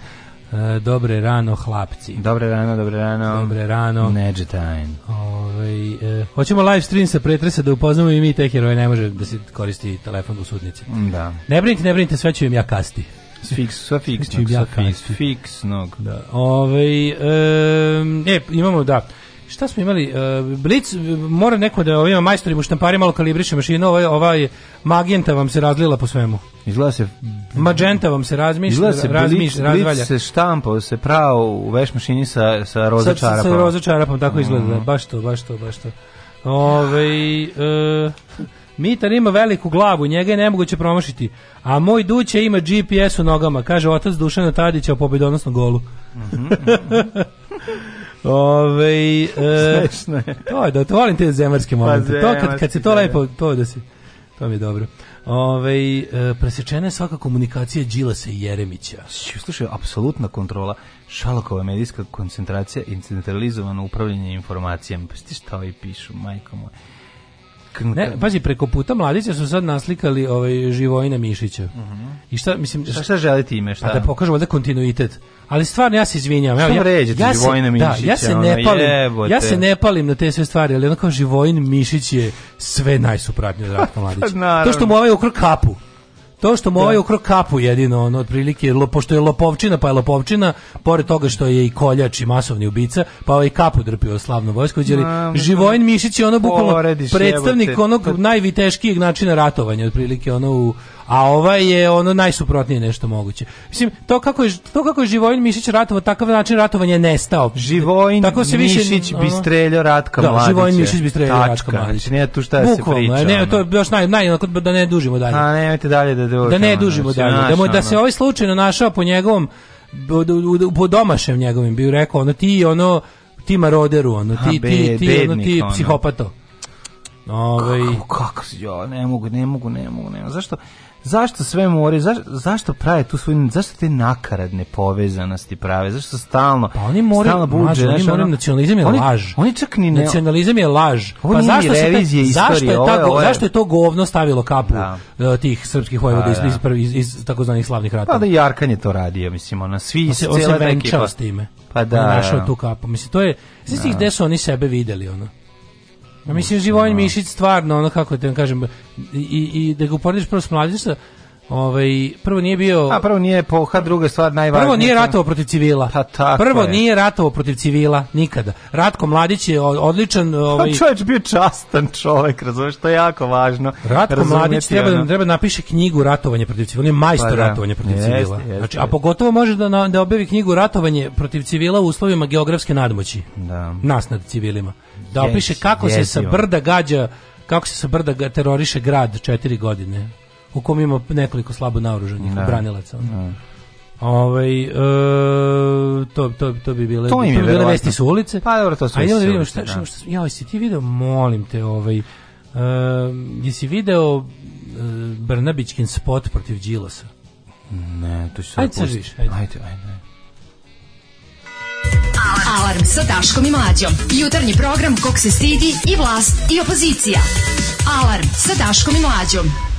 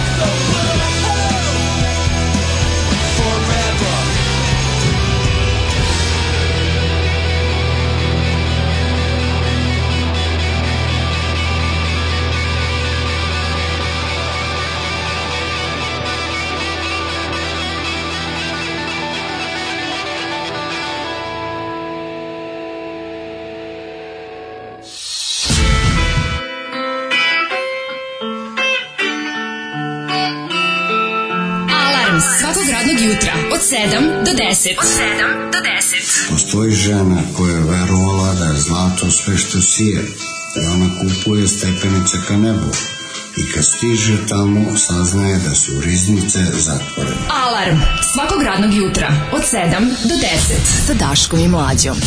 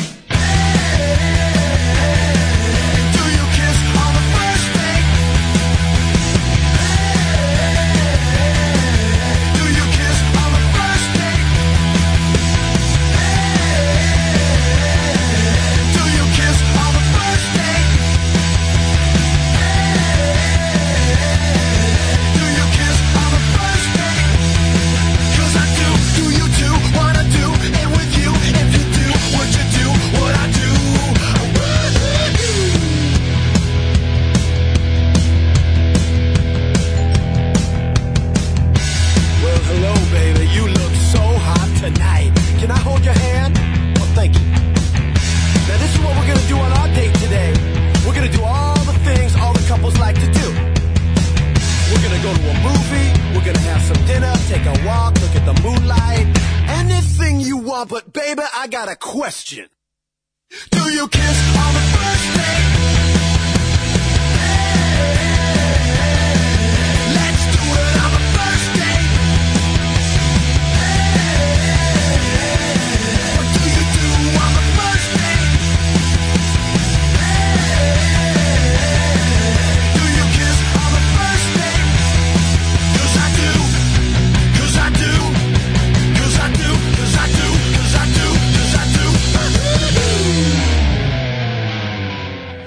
Danko, Danko Jones. Danko, Danko Danko, Jones. Jones. Da, odličan. On neko se obrdovo Danko, Da. opa Danko, od kad ga nisam čuo. Može Danka ima još dobrog rock'n'rolla. Ima, ima, kako ne. zove Danko, Danko, Sergeant Danko.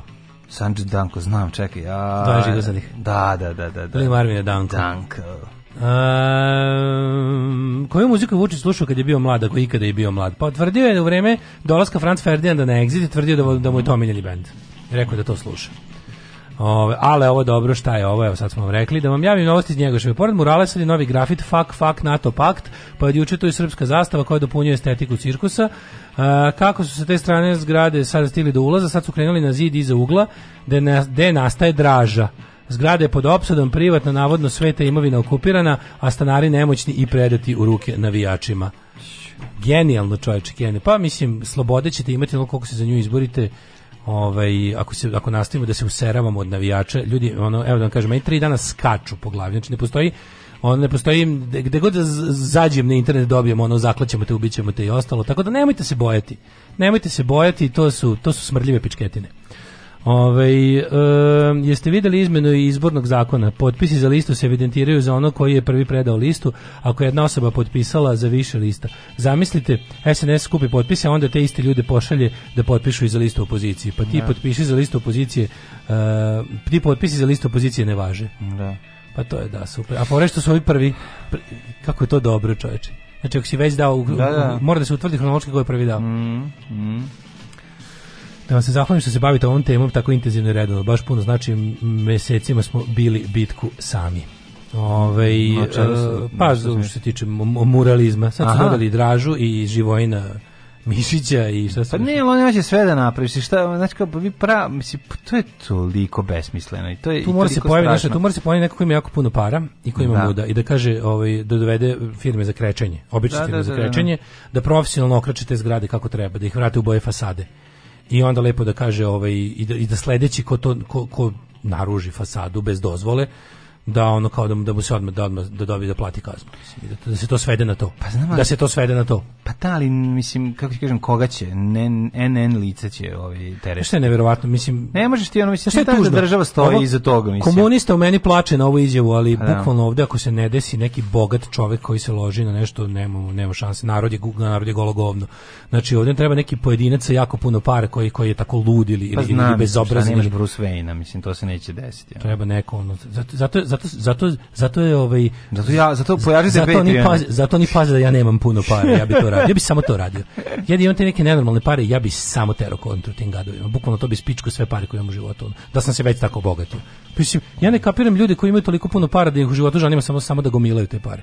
Hoće nekad potroši čoveče. Ma troše pare. Troši You have to spend money to make money. Ne, you have to spend money to spend money bi, ja, ovaj, bi bilo moje Govorim ti u njihovom, ovaj, Da. Ti znaš da sam ja kupujem, tipa, kupujem. Imaš 50-60 godina i zaradio si, ne znam, nekoliko miliona evra. Da, da. A brate, mili uzmi i troši to sad. Sad uzmi i do kraja života troši pare. A znam da li, ali nisi nikad imao ovaj, nekoliko miliona evra, pa ćeš iz vlastitog iskustva. plati ispričati. navijača da bije drugog navijača. Pa to bi mi, meni bi to bilo nešto najlepše na svetu. Da platiš navijača, dobro ga platiš da mora da bije svog istomišljenika. Pa sedeo bi pored i dobroga, Sedeo bi, sedeo bi, sedeo bi na ga. piva i drkao bi da gledam dva vola, jednog sam platio masno da prebije svog istomišljenika. Bilo bi mi najlepše na svetu. Gledam dva četnika kako se tuku, zato što je jedan od, od mene potplaćen izvini, nije li to već To bi bilo na, na, na War on the Terraces na našim utakmicama? Pa da, ali bi ja bio taj koji plaća. Kad su se tukli ovaj, za, za, za kontrolu ovaj, prodaje žutog i bijelog, Pa da, ali za mene ne mora da prodaje žuto i belo. Ja sam samo jako bogat i dođem i dam, kažem, evo ti, evo ti 10.000 evra da izmlatiš one koji dođu da ono, razumeš, pa to je bilo prelepo. Pa znam, A i postoje da. ljudi koji ti Ja samo, samo samo što nikad njegov- jebeno nisu na moje Njegov strani. posao je da, mla, da mlati ljude, ono, to mu Pa je da, posao. da, ja ga ide- plaćam da mlati one koga ja tražim. A dobro, okej. Razumeš, to bi bilo divno, ono.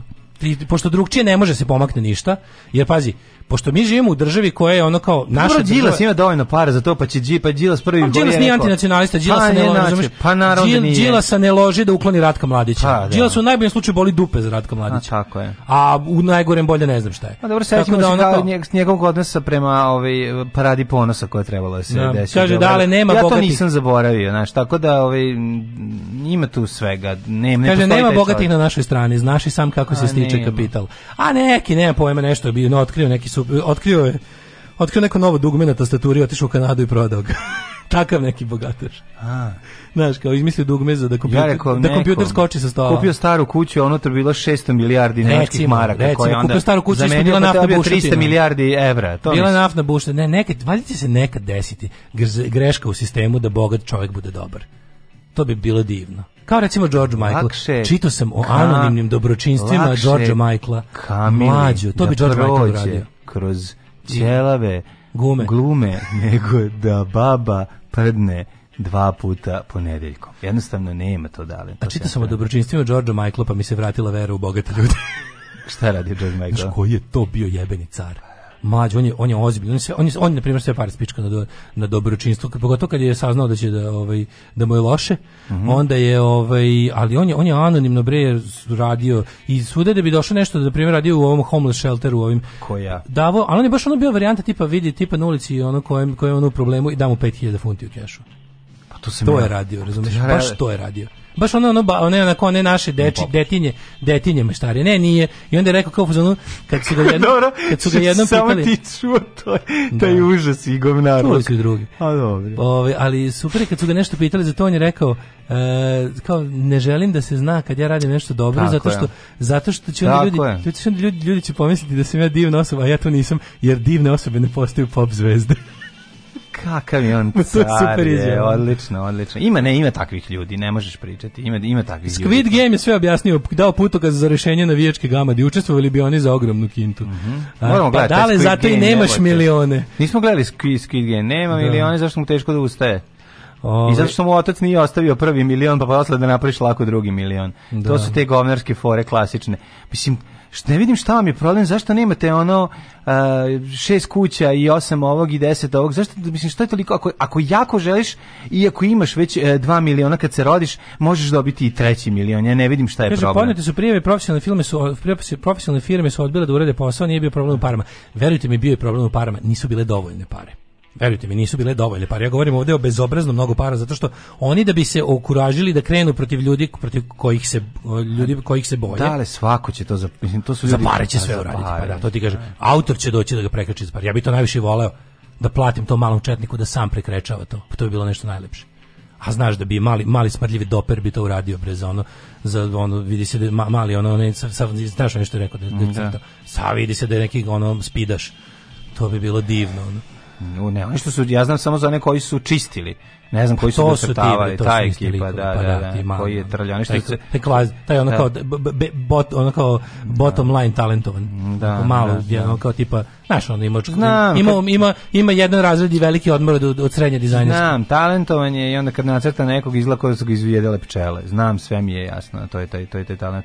Ovi, ne znam, e, mislim da ovaj, ne znam šta su pokušali sad, mislim, znam šta su pokušali njihovim glavama, to smo zaključili, crtajući o, Živojina Mišića preko puta, pokušavaju da naprave neki kontinuitet kao da naprave to Pa isto. da, da, da, da stave, pa da. sve I onda kada ono, dođe, mislim, ali znaš šta je dalje kako ne razumete da će Pa Ratka Mladić i da- dalje zgo- govnatati, a Živojina Mišića neće. Neće, pa I to je naravno. poenta priče. I ono, ja mislim, to, to vaše trpanje u isti koš sve i pokušavajući da napravite neki Pa da. kontinuitet tamo gdje Dodaš ga nema. treba da dodate srpsku zastavu, da ne smiješ ratnog zločinca porodi, poredite sa, sa ono, sa, Sa ratnim herojem. Sa ratnim herojem iz Prvog svjetskog rata i pri tome ono genijalcem, ono vo- vojne doktrine, Pa da. a ono... a- čija, čija se vojna doktrina izučava na vojnim Da, akademijama, se, a, vo- koji se ma- doktrina... borio mali protiv velikih, jebote, kako vam to nije jasno. Da. A ovdje je ovaj čovjek naoružan do zuba, Ja terorisu grad. Je Ja svi ono samo rekao, i, i. Mladić je masovni ubica Tako je, civila. tako je. Na sve to. Znači, mi ne znamo za njegovu ratničku veštinu. Mi znamo samo za njegovu beskrupuloznost da na Angra ubija nenaoružane ljude koji nisu vojnici. To je nje, to on je zbog toga velik. I nemojmo više imati iluzije. Ti ljudi koji ga vole, ga vole zbog toga, a ne zato što su u nekakvoj zabludi da on nije bio takav. Da. Ti klinci tamo, to su uživaoci zla. Ratko mladićizam je sadističko uživanje u zlu i ništa više. To nije nikakva zabluda i neznanje.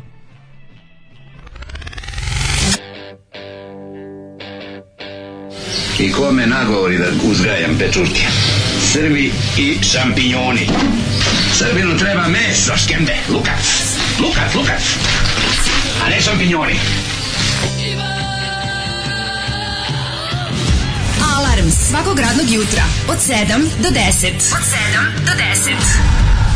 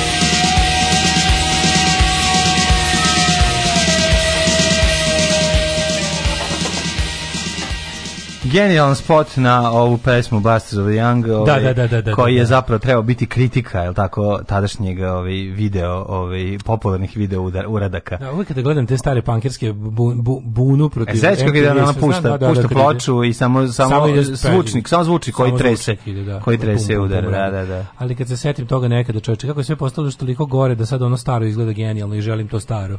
Da, Znaš, ono, sve ono čega su se hoću punkiri stari bunili- MTV, da, da, da, da. da. Sve ono čega su se punkiri bunili 80-ih je sad nešto za šta bi dao levo jaje, ono. Mm, da. Istinita priča, Klinko obnješto pita vaspitačicu kako ide kući, ovaj objasni da ide busom jer nema dovoljno para da kupi auto. Ovaj malo je kaže normalno da nemaš kad se po ceo dan igraš decom umesto nešto da radiš. to je dete iz preduzetničke kuće. Da, da, da, da, da. To ti kažem. Ovaj jeste da li si video, pokazao sam tebi ovaj spot Ane Brnabić eh, protiv Đilasa. Jebote, ja ne znam šta da, ono, ozbiljno, ove, jo, baš imam, imam problem sa Anom Brnabić. Meni to izgleda kao da ona sama to smislila. Prvo to, Znači, drugo, čini mi se da su dali slobodno da da, je sama Ana osmisli. Brnabić dovela Tomu Monu da ona ne bi bila najgora. To je prvo.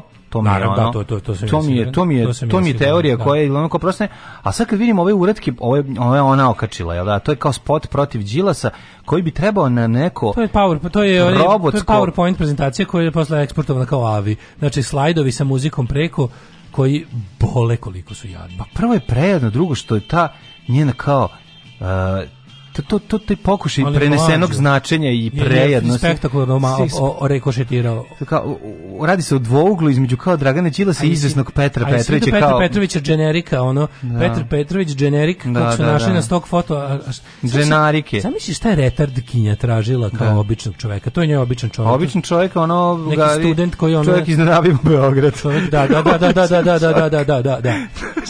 Lik ono iznedavimo, Be- aktivista iznedavimo Beograd. Kakav uradak, kakav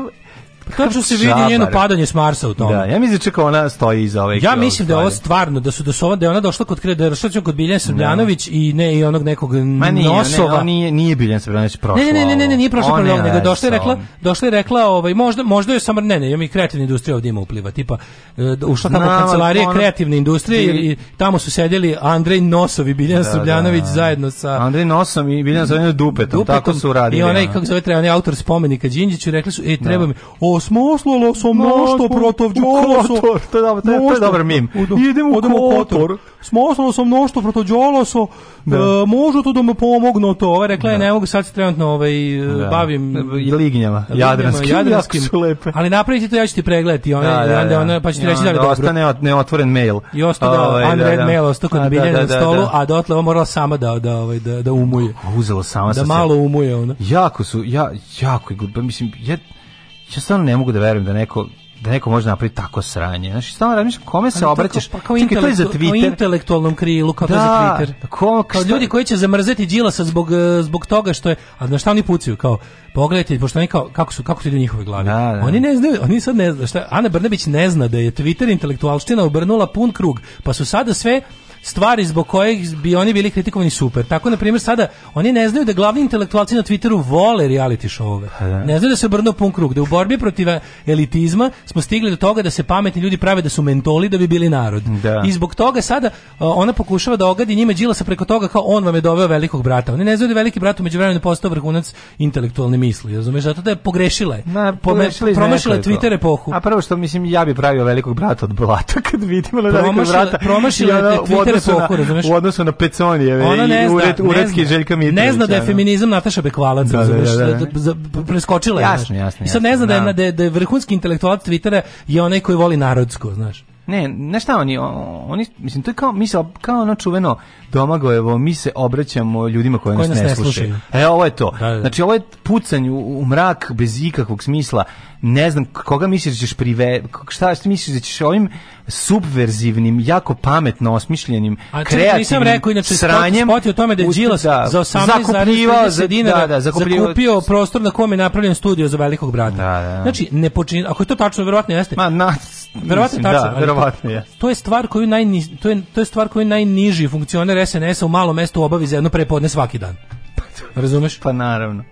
Ono, super mi je kada organiza, kada SNS koja je ona stranka ubica, silovatelja, pljačkaša, narkodilera i ge- generalno najvećeg kriminalnog šljama koji je ovaj narod ikad video, spočitava nekom da je oborio cenu um, građevine za limeni hangar.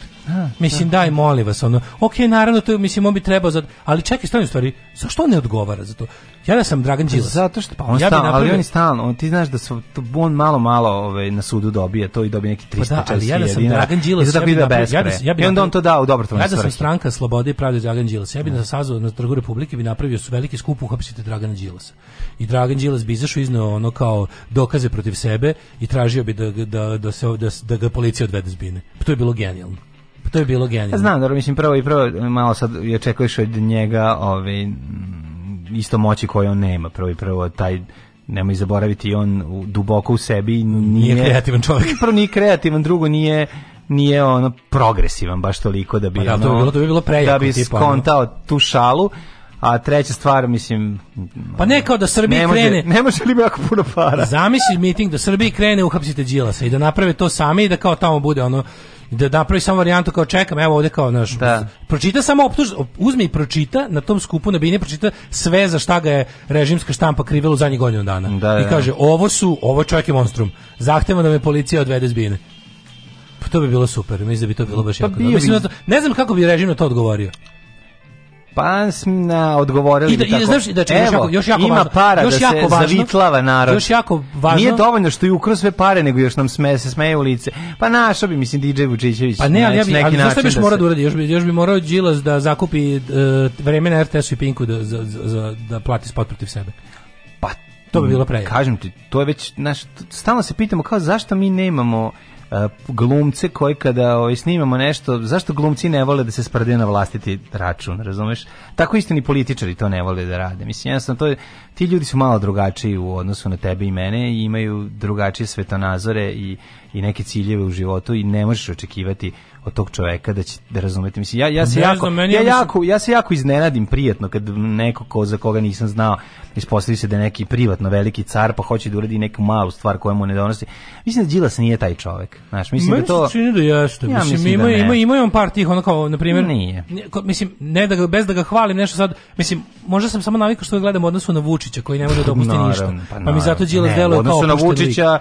Pa da, da, ajde da. se razume, mislim, Da, u odnosu na psihopatu deluje kao opušten lik, naravno, Mislim, ali... Da, možda Đilas i nije psihopat. Pa nije To je psiho, Đilas nije psihopat. Tako da to je prva stvar Da, jako važna. da, To je ozbiljna nije razlika i to je sva razlika. Jeste, ovog sveta zbog koje je, ono koje je, ono to je za početak. Tako je. Drugo ono ono mislim naš Vučić psihopat, da. nije, ali sad s druge strane Đilas je, koja tebi reč za Đilas? Meni je gramziv, to zaista, Pa to, nije, to nije zato što me je SNS mediji ubedili u to, nego kao se dobro ga se sećam, ja sam imao posla s Pa, jebenom Direct Medijom, ja sam imao posla s jebenom Direct Medijom još dok nisu, ono, kako ti kažem, dok, dok mi nije SNS objasnio koja je ta kompanija zlo. Tako da ono kao ja znam dobro šta znači gram, on jeste gramziv, ali s druge strane gramziv ne mora da znači u isto vrijeme e, i ne znam ne može ti pošteno biti gramziv, odnosno manje nepošteno biti gramziv. U svakom slučaju je sigurno manje nepošteno gramziv od e, SNS gramzivaca. I zato mi nije jasno ovaj da nema uopšte taj ono, da već- mogao bi mogao bi da ovaj da igra na, na, na tu foru. Pošto znaš ono Pa znam, ali nije, nije to problem. Problem malo je, više da mi govorimo o slobodama, ljudskim slobodama pod ovaj, Đilasom, on, koji je, jel, nikad nije bio predsjednik, on je bio... Gradonačelnik Beograda, gradonačelnik Beograda. najveći- Pa to mu je najveća, uh, Ali dobro, živimo u zemlju koji je Beograd sve. Nemoj me zajebavati. Jasno, što jasno, samo mislim, pravimo vidi, mislim, ja ti kažem, sve što gradonačelnik Beograda je sve. Dragan Đilas je dok je bio uslovno rečeno na vlasti u Beogradu uticao na moj život tako što njegova kompanija bila Pa jedna da. medijska hobotnica i nećemo se prema blesivo to nije bilo tako. Ali s druge strane mislim nađite mu jebote nađite mu ovaj krivična dela i osudite ga. Hoće ovo ovo je apsolutno lupetanje, mislim. Ovo ja ja stvarno ne znam u istoriji politike ko- koje se ja sećam u ovoj zemlji da neko bio toliko blaćen i i maltretiran kao taj čovjek. Vidi ovako, ono što znamo sigurno jeste da, da taj čovek za vreme svoje vladavine nije bio okružen armijom navijača i likova je, koji tako je, prebijaju tako je, tako je. i maltretiraju ljude. E, Život u Srbiji je bio mnogo bolji u smislu Ja sam bio protivnik one vlasti, pa me niko Pa, nije tukao i nisam video policiju. Nije organizovao niko, tako nisu te proganjali ti, način, tako da meni je- ta priča o tome da ono kao pa mislim ne mogu se porediti, mislim oni su oko i dupe, Tako je. razumeš? To je Za jednostavno vreme kad sam bio klinac, Đilas sam kod mogu se porediti ni po čemu, mislim, Kad, kad, sam- kad sam bio klinac, A, to, borili smo a se... da se slažem sa Đilasom, ne slažem se. Pa jebi Ne, ali ali samo ono- govorim, govorimo o nečemu, govorimo objektivno. Tako je. overall životu. Tako je. Detinjstvo sam proveo manje više pod Miloševićem i kao mali ono opozicioner sam dobio batin od policije, bio privođen kao maloletni, bio maltretiran. Da. To je bilo onda onda je došao period ipak nečeg u čemu je politička borba bila civilizovanija. Nisam, nisam video policiju, nikome nikad nije tukao, nikome nije napao. Onda na dolazi SNS, krajeva policiju gledam jedno mesečno, policiju gledam jebeno Mi jednom nismo gledali mesečno. ni Ratka Mladića, bre, čoveče, tih je. pet godina, Nismo šest, ono, do, Nismo još da. nekoliko godina posle ubistva Đinđića. nismo- Trebali su ga bolje skloniti, ali jebi ga, bar su da. On, mislim, onaj, onaj, ga, onaj ga je režim i uhapsio i isporučio, malo li je. Pa mislim, da. Znaš, Pa najgore, da, najgore je da. kada jedan, kada jedan ne dobar period života mi odjednom postane fenomenalan period života, zato što je posle njega došlo još gore. A to je ovde slučaj. I sad ono kao, ja ne znam, ali ja da sam, ja da sam Đilas, ja bi napravio, ja bi napravio skup da on zahte- zahtevam hapšenje sebe. I da samo pročitam, znači uzmem i pročitam to za šta me optužuju i kažem, molim vas, znači, društvo ne može napredovati dok ja ne budem u zatvoru.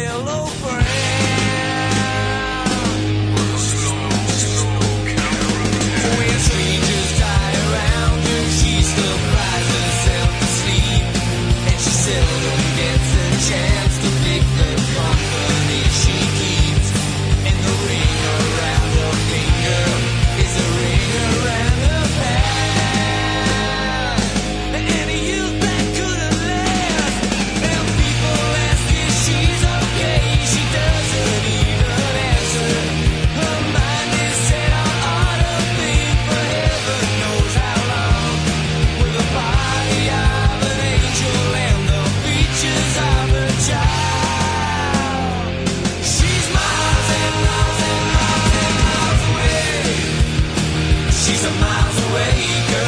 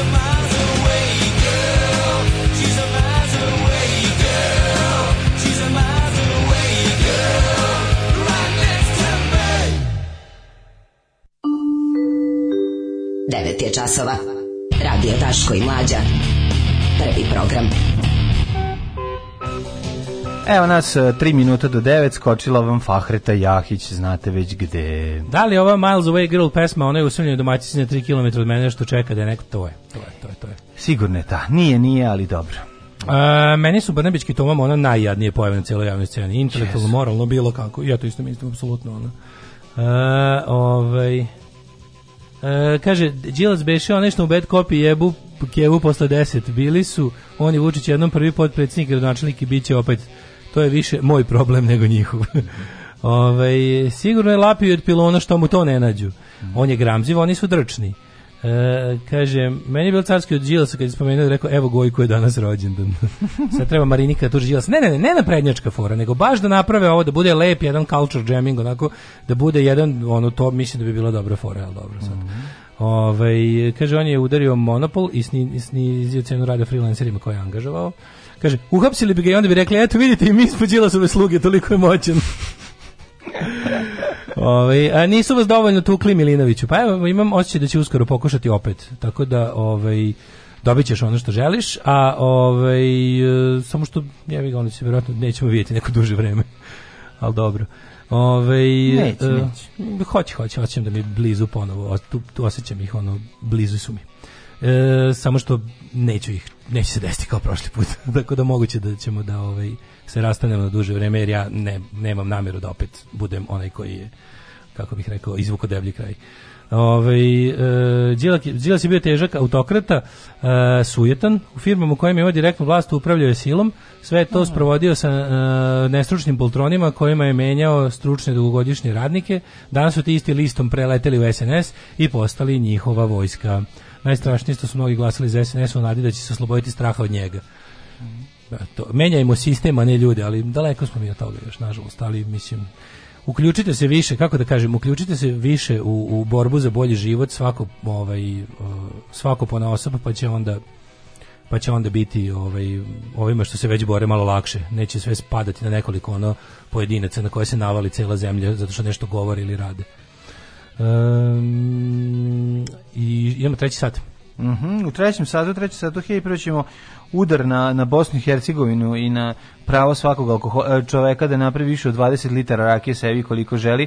Izgleda Da, da, ovaj- da, da, stiže bezdušna Evropska unija, stiže bezdušna. Ali to je u Bosni. Pa u Bosni nema veze, pa mislim šta sad dešava se i to zna, šta je u Bosni i u Hrvatskoj se dešava ili kod nas u, u susedstvu će se dogoditi ono vrlo brzo. Tako da ovo što se dešava u Bosni to će pogoditi nas za, za, za kratko vreme, pa bi trebalo ovaj, o tome voditi računa.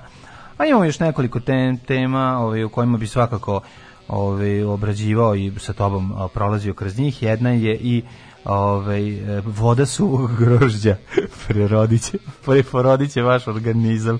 Već vidim tvoju facu. Voda piješ vodu suvog grožđa. Pa sad to, ajde vidjet ćemo šta je to u stvari. Pa Mislim, ne, suvo grožđe mi je nekako nešto najsuprotnije od vode što mogu da zamislim, ali... Pa ne, ali voda suvog grožđa. Znači da se stavi suvo grožđe da ostane u nečemu, pa ti Aha. onda... Da nije to ona se voda, to- da nije to ona voda koja je suvo grožđe izgubilo pri sušenju. Pa mislim to teško ćeš ga To pokupiti. poznati kao sok od grožđa. Sok od grožđa, da, vidjet ćemo. Ovaj, a mislim im- imamo i temu hrkanje i tako.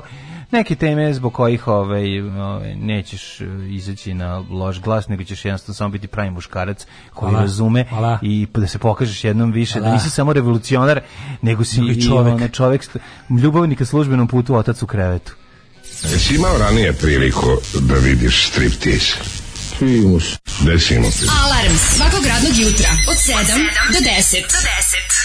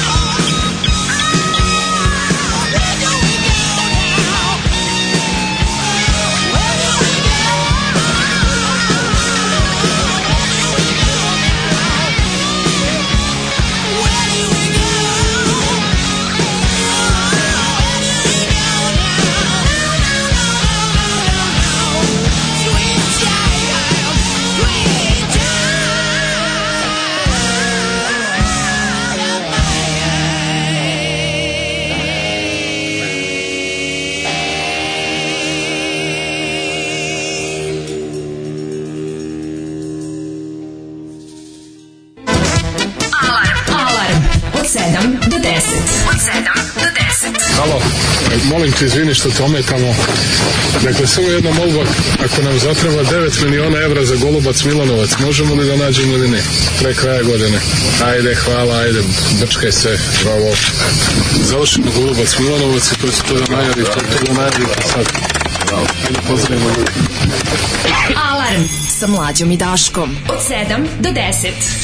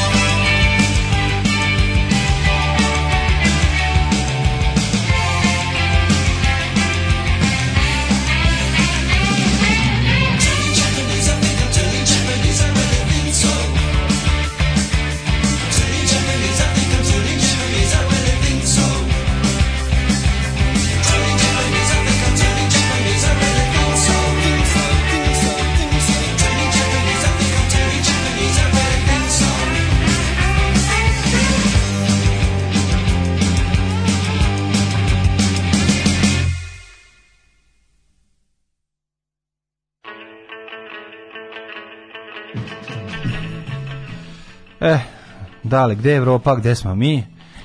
Zdravko Rajbri, ne bi da smetam, samo kratko, možemo da nađemo 20 evra za doček. Hvala, ajde, prčkajte se. Ove, em, pa kaže, da li je to došao ninja sa Beverly Hillsa, svaka čast, opet sam dijete, hvala vam. Mhm. Do, malo pre sam bio ubiđen da je Freddy Krueger igrao Donald Pleasance, ni Robert Englund ga igrao. Robert Englund uvek. Živio, ja već koliko ja znam, Robert Englund je živio. Jeste, jeste, Robert živi Pleasance umro Englund, nije. E, da je, Večeras su kinoteci u pola šest. E, imate super film. znam pesmu England belongs to me. England belongs to me. Mhm. Večeras u kinoteci u pola šest se daje bitka za Alžir. Znam da ste hvalili film, tako da može da gleda ko voli. E, idite u kinoteku večeras Batalj de Mhm. Algiers je odličan, odličan film. Ovaj, kad smo bili klinci osmi razred, prvi bend, najstrašnije smo se ložili na lika i srednje. Neki drugi lokalni bend znao da otvira Sweet Child na gitari, jedini u gradu, tako je išla priča. Dobra vremena. Dobra vremena, dobra. Headbangers Ball, idemo! Headbangers Ball. A dobro, pričali smo o tome kako smo ove, pa, pla, plačemo za, za starim MTV-em, a pri tome ne mislimo na, na makedonsku televiziju. Šta kaže MTV? Vlada ograničava proizvodnju rakije na 20 Koji vlada? Koji vlada ide? Vladimir vlada Bosne. Koji vlada? Vlada iz Bosne, znači Vlado. Znači, Vlado. Vlado. Vlado. Onda je Vlado. Alkoholna pića, rakije i likeri u FBIH zbog članstva EU neće moći da se proizvode i prodaju, moći će ih, odnosno da ih proizvode samo prodaju pravna i fizička lica koja su upisana u registar proizvođača. Dakle, ako nisi zvanični registrator, više nećeš moći da sam a, praviš za svoje potrebe više od 20 litara. Ali moram ti kažem nešto, na primjer, znaš da to taj zakon kod nas odavno postoji. Sad kad se kod nas to bude isto desilo, to Mhm. postoji verovatno i u Bosni, nego sam neko samo to rekao kada je gledao ono usklađivanje sa evropskim regulativama u okviru našeg ovaj, primitka UE koje se nikad Mhm. neće desiti. I po našem zakonu ti zapravo to to spada pod jedan ja mislim jedan vid poljoprivredne proizvodnje, nisam siguran, ali ti isto imaš ono zna se kod nas isto razlika između kada se nešto proizvodi za lične potrebe i kada se nešto proizvodi na više da treba da budeš Da. registrovani proizvođač. Tako da ovo zapravo nije novo, ali super senzacionalistički zvuči kad se tako predstavi. Jer mislim Jel 20, zadire, 20 da, u litara rakije godišnje proizvesti je, je puno. Mislim 20 litara rakije proizvesti, to je sasvim dosta. Sve preko toga i jeste za prodaju da se razumemo, je tako? Ne. A mislim prodaju, da ga neko može kaže ja ću poklanjam, ali Pa. u principu mislim Ili šta, ako neko baš alkoholičar? pa ne, ali mislim da, znaš šta ja mislim? Mislim da bi ukoliko, ukoliko proizvodiš više od 20 litara i trebalo da to bude regulisano u smislu da neko treba i da kontroliše taj kvalitet, a samim tim, nije meni zbog toga da sad tu nešto... Gde naše vekovno pravo da oslepimo posle E pa to ti kažem, to ti kažem. Mislim, ako nešto praviš od 20 litara, 20 litara kako proizvedeš nekog užasa, 20 litara je... Znam, ali pazi, proizvođač jakih alkoholnih pića upisuje se u registar koji ispunjava uslove u pogledu objekta, a, prostora, opreme i uređaja. Majko, moja, znači više za nema... više od 20 litara. Do Da. 20 litara sebi pravi ako hoćeš u govnima. A Nije to problem, možeš ti napraviti 100 litara sebi ako ćeš da piješ, ne smiješ da prodaješ, to je poenta priče. Pa Ko će da, tebi ali- iskontrolisati kako si ti napravio i držiš sebi u podrumu.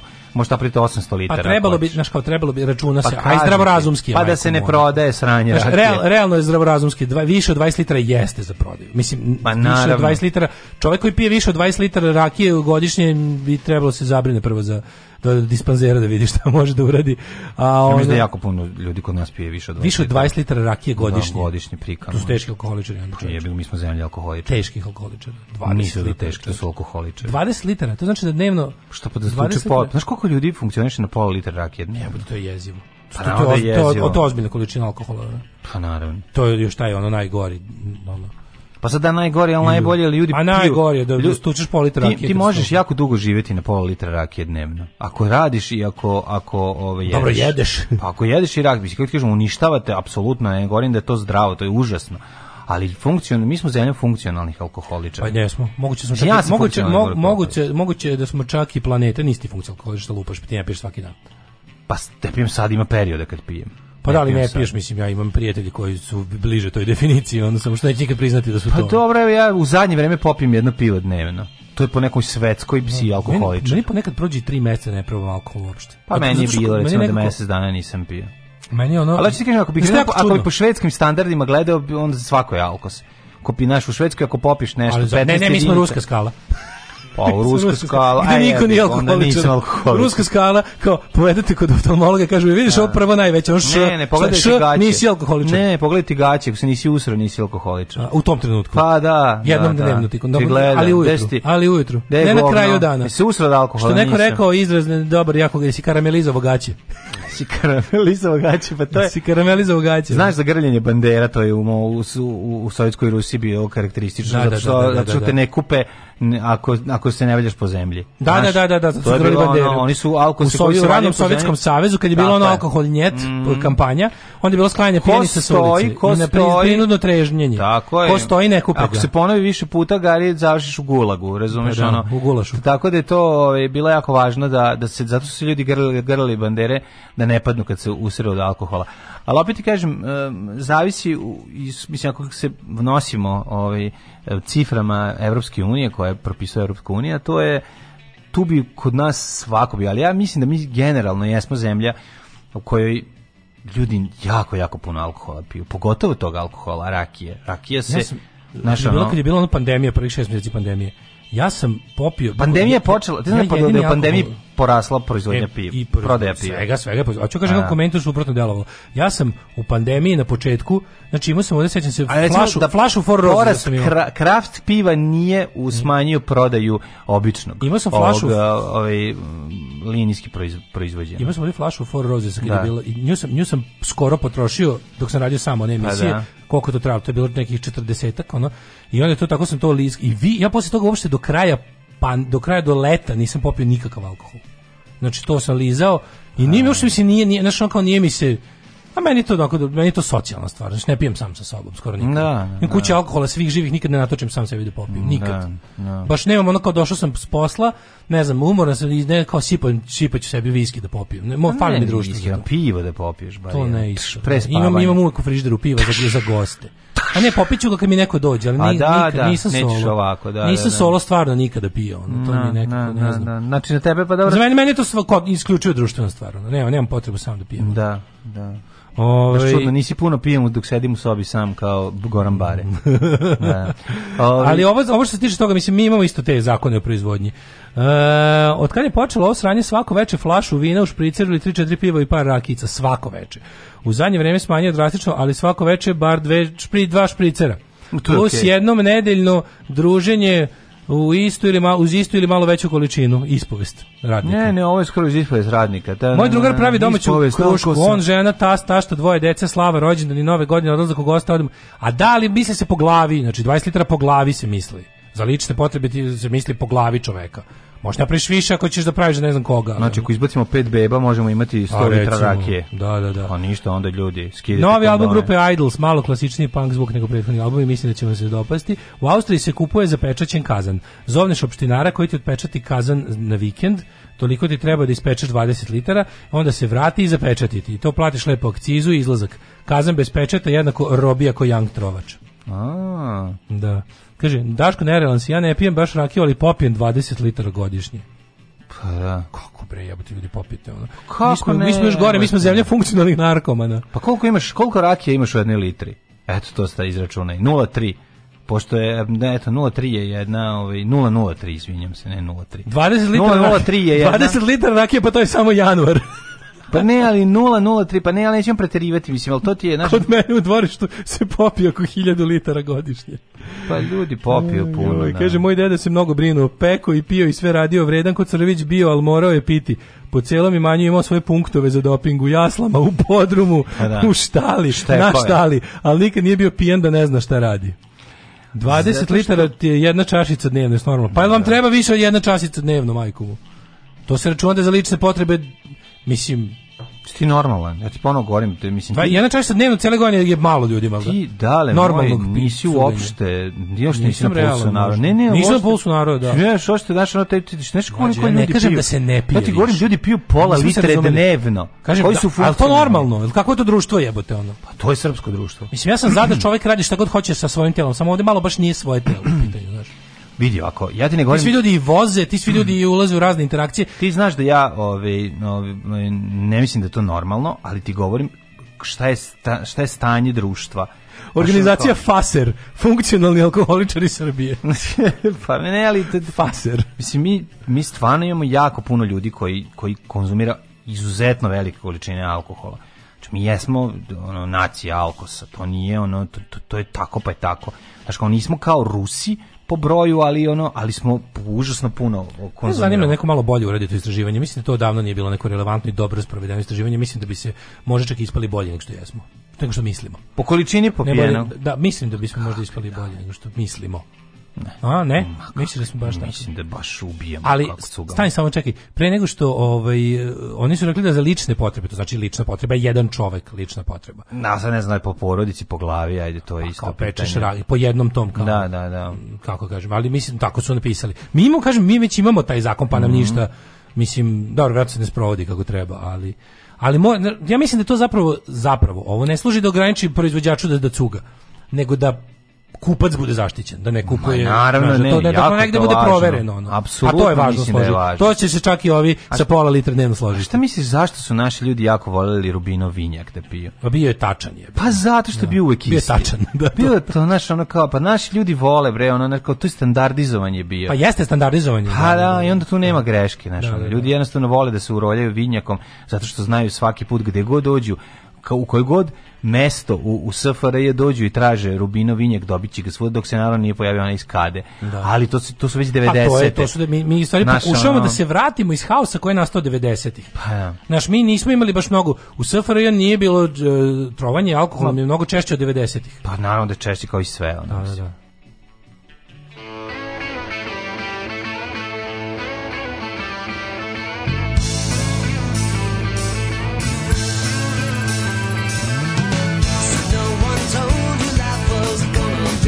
Be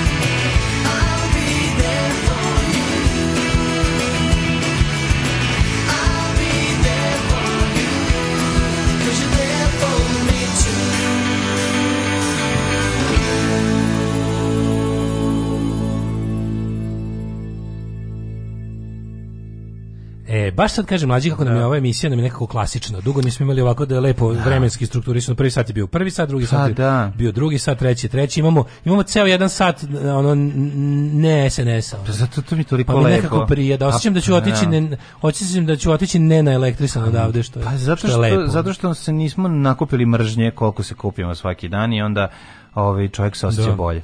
A, ja pijem 80 litara, sad sam izračunao.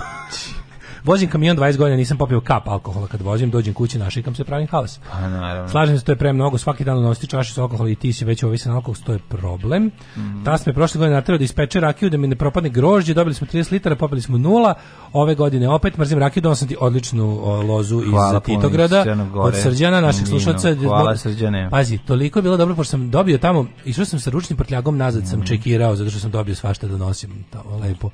Pa sam onda, i mazno sam peškir iz hotela da umotam, umotam da se ne bi razbilo. Morao sam. A, naravno. Ove, Mora se ukrasti iz sam, hotela, pa, a nije, stvarno sam ga ukrao sam ga mora se, utilitarno. to Nisam ga ukrao kao što bi ga inače ukrao. Ovi. Jesi isekao tepih ispod kreveta? A, ja sam da, u, Naravno, a da, a je ne. tepih, tako da imam za celu kujnu. Pa za celu kujnu ispod tepiha, pa naravno. To Rubine vinjak odličan, drugarica počela da ga pije na svekrvinoj sahrani pa imena navukla na dečijem rođendanu. Drvnem ponekad realno je bolji i od rakije i od viskija. Najiritantnije je kad imaš meru i popiješ dva piva ili dve rakije, društvo krene da viče, ajde, pičko, uzmi još. Mogu da izdržim i godinu dana da ne liznem ni kap alkohola ili da u gradu cirkam sok. Naša kultura je nakradna, da nisi muško ako ne olešiš u kafani ili kod kuće s drugarima. Prohibiciju bi ja njima uveo na 10 godina, pa makar građanski rat izbio.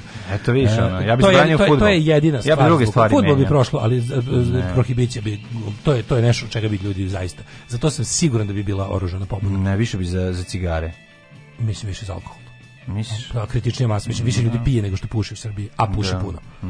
Ovaj, e, pored svega što me nervira kod ovog poganog naroda je ta kultura rakije. To je nešto što najviše mrzim. Tepaju joj. Mislim da svoje deci se ne obraćaju kao rakiji. Taj blaženi osmeh od milion dolara. Radimo kafane u centru grada gde se e, sakupljaju. Ovo je istina što da, ovo je istina što Daško priča. Mi smo društvo funkcionalnih alkoholičara preko nedelje. Vikendi mnogo udarniji gde se 80% ljudi potpuno obeznani do granice medicinskog trovanja. Svi ti ljudi imaju porodice, poslove, obaveze, nesreće koje se utapu u alkohol, bukvalno zaboravljanje sva stvarnosti. Dobro, moraš ja sad kažem, mislim, takvi su i šveđani, mislim, šveđani se oseru na, na preko vikend. nedelje, oni su ne, vikendom. preko nas, da, da, da. ljudi stalno drže radnu temperaturu Da, da, alkoholom, da, da, a da. vikendom preteruju. Vikendom se To je problem, tako Neki, znaš da kažu inače ovi kako se zove kako se zove kako se zove čovjek koji se bavi jetrom. A, a, jetrostalni doktor. ne mogu se setiti. Uglavnom kažu da je, da je znaš da je povremeno E, internist. Povremeno, mislim internist. Povremeno jako pijanstvo je gore od od od od od, stava. da, da, da, kažu da, kažu da je gore. Ne. E, O, olešavanje povremeno. Znači da se recimo jednom mesečno olešiš Nije gore, napre- nego svaki dan piješ, gore da svaki Ju, dan kažu da nije baš, da, da je za Ne. jetru šok veći kada od, kad nema, nema, nema, pa, ga, pa je bao, pa je udaviš u jakom alkoholu. ne da je to kao baš. da može da napravi Aha, veći, veću štetu. Da, da, da, da, da, valjda- Ne znam šta je buši. Da. Ali- Ovaj, e, prestupni godinama 19,75 litara, samo tačno. Ovaj, dragi moji, dalje vole ljudi da drvnu vinjak u životu, da se vrate kako neki, u, u životu, da se vrate kako kažu neki usput. E, divno je bilo petak u CK13 je uvek, odlična treša, dale imam slično ljubivo se voli Duška iz Beograda. Pa, Duško. E, ovaj, pa kaže, imali smo direktora, zvali smo ga Bore Vinjak, pa smo ga jednom pitali zašto ga zovu Bora. Čovjek se zove Stevan. Čovjek se zove Stevan, ali su ga zvali. Ovaj kakav užas, pa ovo je duže špice. 20 litara je malo, nema dovoljno ni kad mi unog dovede drugova iz vrtića. Hepatolog. E, iz nutricionista, doktor koji se bavi jetrom i džigericom, to znamo. Iz nutricionista, da. Ovaj, u Americi se kaže man with drinking issues, kod nas se kaže srednjoškolac. Sad ste naveli hiljadu razloga zašto imam bivšeg muža. Hvala vam što me podsjećate zašto je to dobro. Aha, nije dao da cuga. Da, ne, ne, ne, ne, verovatno. Nek ide tamo u Švedsku, pa nek ne da pije. Preko nedelje, da. To je, to je. Ove, šta tripujete, kako cigare, alkohol, zatvorite kladionice da vidite šta će se desiti. Neće se desiti U, ja boga mislim da bi to bio socijalni namjer. Misliš? Ma kapa, tukli bi se na streetu on između sebe i to je to. Mislim. To je to, to treba se izbegne. Pa i ovdje bi se tukli na stritu. Ne bi ovdje niko udario na državu, bismo, nismo, ne, nikad ne bi na državu. Ne bi kladionice napravili, to bi najviše, alkohol bi napravio najveći problem, to se u Alkohol, alkohol, alkohol, Da, da, da, alkohol da, i to, to je, to je, mislim, A cigare bi napravile najviše kućnog nasilja. E pa da. Znaš, da, da, ono, da. verovatno Mhm, tako. mhm. Znaš, ono... Alkohol bi bio problem, da, da, da, jer bi onda ljudi ono u fazonu bili E, sad ćete da vidite, pa bi se tim nekim ono še, šestorazrednim alkoholom, na, što bi se reklo, dobili, da se malo, kako kažu oni imati izraz, da se malo dobijem, znaš neki boj, da se malo popravim, Se popravim, da se malo da se ušminkam. da se ušminkam, koji Da, ima da, taj da. neki ono. O, ima fino. Čekaj, treba malo da se, jo, ja sam čuo neki jako dobar pre neki dan, ali sada me ubiješ, ne mogu da se setim. Ono. No, da se doteram je ono, naš, ono. Kaže, evo, ja se moram složiti s debelim, nije normalno koliko se pije. Pa Državni da. posao epizod alkoholičar je bukvalno jedan kroz jedan stanje u državi. Da, da. U ovoj zemlji ljudi mogu da žive ili ludi ili pijani, eto, zato je to sve. Mm. Ove, e, eventualna prohibicija, ne treba glasati za Đilasa. Znaš da Đilas pokušao onu so, sotsku prohibiciju? Nisam nije dio prohibicija. A, dobro, pa- Zabrana 10. prodaje posle 10. To je u redu. Ali to bi, di je u redu, nije u redu. A šta nije u A, redu? Pa zabraniš da se ne pije posle 10 i onda ljudi kupe ranije. pa tako je bilo. Pa to je ko propusnica COVID-10. Da virus ono kaže, e, idem ja sad da spavam, moram ja spavam nekad. Ono. Molim te virus od 8. Da, da, da, ja sam da. za to da se propusnice rade od 8. Jer Da, da, virus da, je poznat da, prebacili su de, na osam. da, del, da deluje ranije. Prebacili su na osam. Šta imamo još drugo, mladine, lepo? Ništa te neće, ništa te neće popraviti dan kao zrenjaninski bend Voda suvog grožđa. Salim se. Voda suvog grožđa. Preporodit će vaš organizam. Glow Culls. Ovaj napitak je odlično sredstvo za čišćenje jetre kao i za de- detoksikaciju Evo rešenja. tela. Evo rešenja. Evo rešenja, znači ljuštite i dalje kao što ljuštite, a ovaj e, posle grožđana voda, al tako? Da. Nakon velikog uspeha grožđane masti i grožđanog ulja. Tako je, tako je. I gro, comes- grožđanice subotne večeri. Da, i here comes grožđana voda. Sigurno ste već čuli koliko je suvo grožđe zdravo. Kako ne, voda. meni je baba moja stalno govorila, sine, A ne ja- daj se, ne daj se ne opkoliti u termobilskim klancu. Ja obožavam volim, volim bez da nije van čokolade. Ja ga volim svakako. Ne, ne volim kad je u čokoladi. Znaš šta meni, meni je krivo što da postoji čokolada samo sa svojim grožđem bez lešnika. To bi bilo super da postoji. Ne volim čokoladu, ima, a ne volim čokoladu. Šta ima samo sa svojim grožđem Da, čokolada? da, kako ne. Ima i samo suvo grožđe bez čokolade, ne znam Ima da to, to je moj to slatkiš mog djetinjstva. Kad majka kupi za kolače, a ono, Da. da. jako šuškavoj kesi. Ja znam. Vam objasniti problem sa svojim grožđem. E, pošto sam ja često znao da recimo Kevali Ćale spavaju u dnevnoj sobi se došli do fioke. Da, onda ne možeš da otvoriš i je da jako problem što moram da, ovaj, na primjer, kad bi rondao po tim Ta na fiokama, njoj ništa nije pisalo. Ona samo bila bela grožđe. bila je užasno šuškava. Znam su koja. pisale suvo grožđe. Nekad ga kupio Da. da. u prodavnici, nego kad ga Bio kupio... oni kao romb suvo grožđe ili Jeste, tako da, nešto, da, da, da, da? da. Suvo grožđe naranđasto Mhm. bela kesa. Da, I onda da, je pisalo da. suve, suve grožđice.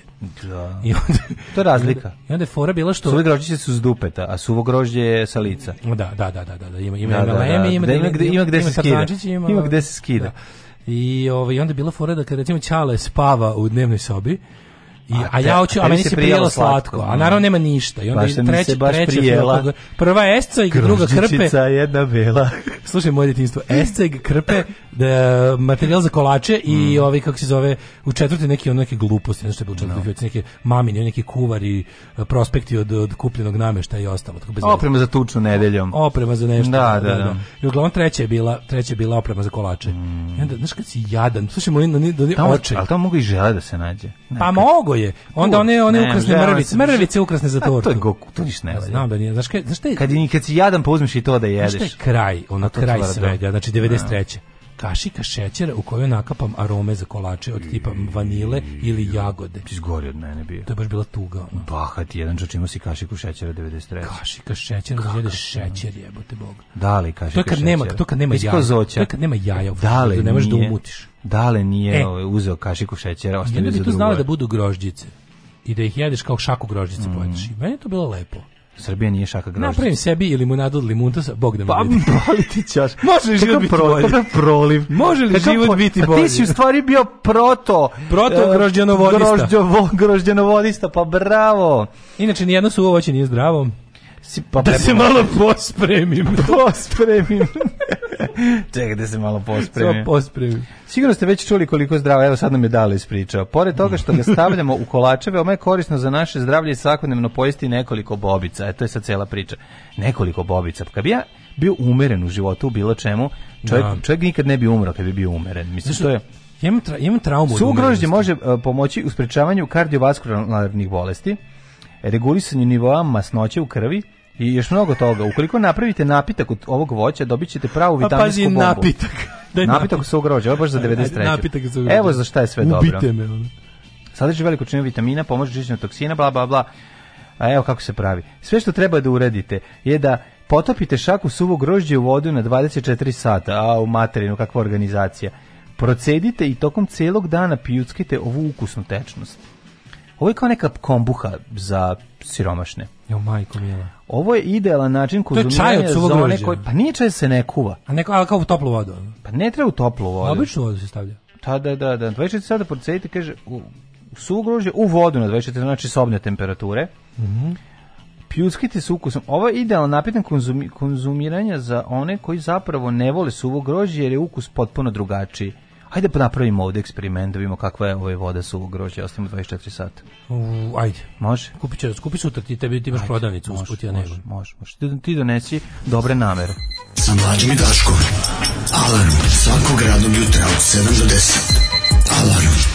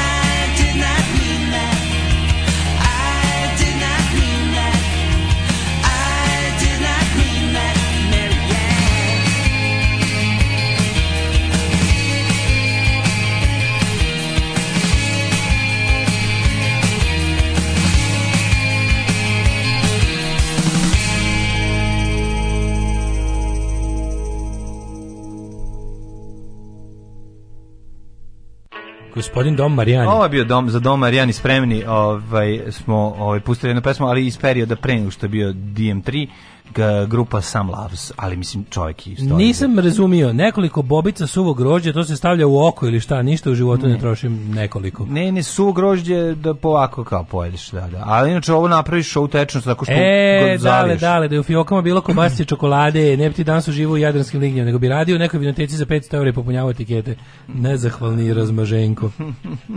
Jesi ti video, molim te, inspekciju u vinari Danila Vučića? Koje, ovaj, oni Koje- sami sebi poslali inspekciju da naprave naprave, ovaj, od svega prave vest, koja nije vest. To dobro, a on dolazi, Zašto? dolazi Da. inspekcija, a unutra informeri Pink čekaju. Da, a inspekcija dolazi... Što ste došli baš ovde? Da, da, da, super, to, to, to. Ali znaš taj stepen bezobrazluka. To je neverovatno To- nešto. Ti, ti, ti Došli ste ovde opozicin, opozicijane Mlađe, ovaj, zašto ne mediji ni jedan nema taj pristup. To je taj pristup. Pa to mi ne možemo, mislim, to, to, bi, to bi bio kraj, mislim, to opozicijski mediji ne treba da imaju. Pa naravno da ne mogu hoću To je da onda kažem- kraj, ono, naš, ne Pa, možeš da imaš taj dokle, pristup. o, kak- kako to Ne mo- možeš da imaš taj pristup, znaš, on kao, Znaš ono kad Kako ljudi kažu kao, ako se bijete kao i fašisti, onda ste, kao, ako su antifašisti bio, onda su isti kao fašisti. Ne, ne, nije stvar u bijenju. Ako počneš da, ako počneš da im recimo, znaš, de, de bi ono kao, de bi antifašisti bili kao fašisti. Kad bi recimo ne možeš da dovatiš fašistu pa mu prebiješ porodicu.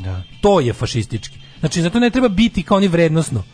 A ono nasiljem se odgovara na nasilje naravno. Postoji nešto što nikad antifašisti neće raditi u borbi protiv fašista jer time svoju borbu obezvređuju. Nasilje svakako nije to. Mislim, ono kako ti kažem, kad dopustiš da se kad dopustiš da se fašizam uklanja nasiljem, to znači da društvo već otišlo u materinu. ono. Ali ova, Ali- ova priča, da, ova ali- priča, oni su ušli unutra i kao ovaj, ovaj, rad, ovaj iz- iz- inspektor, kao, dobar dan, da vas pitamo, jeste bili pre ovoga da vidite gde rade Đilasova deca? To ga pita ovaj novinar Pink. A ovaj čovjek ono kaže imam plan, evo, mi ovo nam je po redu Da, da, da, da, kao pa tako su znali planu. da treba dođu. Pa da, Tako su ovi pa da. A ko je dao na uvid i planove finansijske inspekcije informeru i Pinku? Kakav Razumeš? ono. Ko je to bo- i onda ovaj mora da se pravda. Da, da, da ga maltretiraju. Ovaj mora da se pravda, Da, taj, da. a pazi, on je, znaš, on je njihov čovek, stavili su to. je- Da, što je najluđe? da. To je obračun sa tim likom, obračun sa da. poverenikom. Pa da. To je zapravo obračun sa poverenikom. Da poverenik treba sada javno da se izvinjava što je radio svoj posao. Vučiću. Nisam mislio, znate, slučajno. Ovako da, znaš šta je bila Mhm. fora? On bi došao tu inspekcija, on bi došao, inspekcija bi to obavila. Posle bi to neko rekao, znate u kojoj ste vinariji bili, bace taj slučaj. A ovako je Pink to uradio da stavi pred svršen čin lika koji, ovaj, naravno je vinoteka posle ko zna kako, ali je stavio pred svršen čin ovoga poverenika koji je zapravo nalogodavac svim tim inspekcijama, da ovaj mora da kaže predsjedniče, poštovali smo zakon, kaznite me. Da, da. Znaš, sad drugo može, može samo se izlači, ono, može kaže nisam poštovao zakon. Ne, jo, ne, to je toliko i kre, idiotski da je i odvratno. Pa ne. da, inspekcija je najavljena, redovan postupak za sve firme, proveravaju baratanje s podacima o A, da. online kupcima. Ovo je bila konkretno A, da. kontrola za online. Mhm. Ove, em, zabranite alkohol i cigare, samo nemojte vutru. A da, ono je zabranjeno. Jedi svog grožđa ako voliš, ako ne voliš, ne jedi. Čuj, izleži se za nečega. Hajte, molim vas, dođe raki, izjedete, ne pite si jeo grožđe. Ove, taj šećer sa aromama se još naziva i, step šok. Da. E, jednom nam je na moru drugar napravio puding i zasladio grožđicama zato što nije bilo šećera u apartmanu. Od tada ih mrzim. A taj naš drugi je zajednički prijatelj Nedara. Nedara, pa ti sladiš grožđicama. Nedara što sladi grožđicama. ako je dobro ribica, dobri ljudima.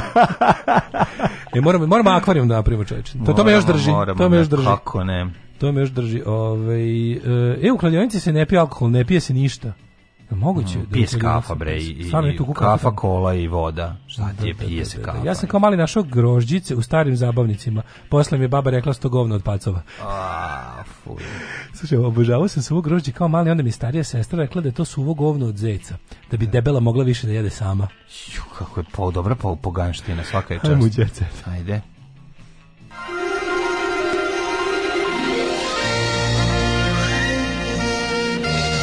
jet set. Jet set. Jet set. Set. Set. Set. Set. Uhapšen tinejdžer koji je ilegalno podelio Južni vetar 2 na svom YouTube kanalu. Klinja je snimio ovaj, te, ceo film telefonom i ovaj, objavio na YouTube kanalu i došlo je do hapšenja. Znači, o, hapšenje Hmm. e, s- na, na platnu, snimajući hapšenje na platnu, došao je do toga da i njega samog uhapse. Au, bog. Neverovatno. Želim pravimo hajku, postoje agencija koja je angažovana i onda sve automatski pokreće i prepušta državnim organima, kaže rejtelj za kurir. Mada zeznuto, žao mi je ovaj, i tome, i što je tako, ovaj, mogo je doći do nekih rekorda novih ovaj, bioskopskih. A šta, da zbog, nije do došlo zbog piraterije? Pa smanjen je broj ljudi koji su daj, pogledali ono film. do- Došao je do bioskopskih rekorda, št- mislim, daj bre. Mis- Misliš da nije zaradio?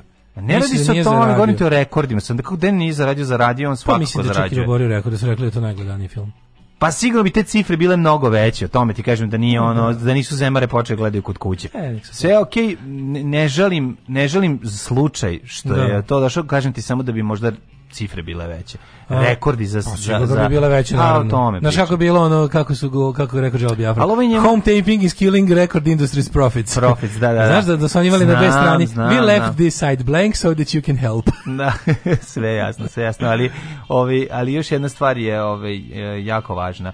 Uh, to je jako dobra reklama bilo za njega, pošto će raditi, pošto se radi serija, već je urađena serija, Pa, tako da će ono, tako će da zaradit će je sve- Cobra Films će zaraditi samo tako, ne brinem se ja za to. Par priredio gala slavlja u Beogradu. Mhm. Rajković i Evrima kitili Bekutu za rođenje sina.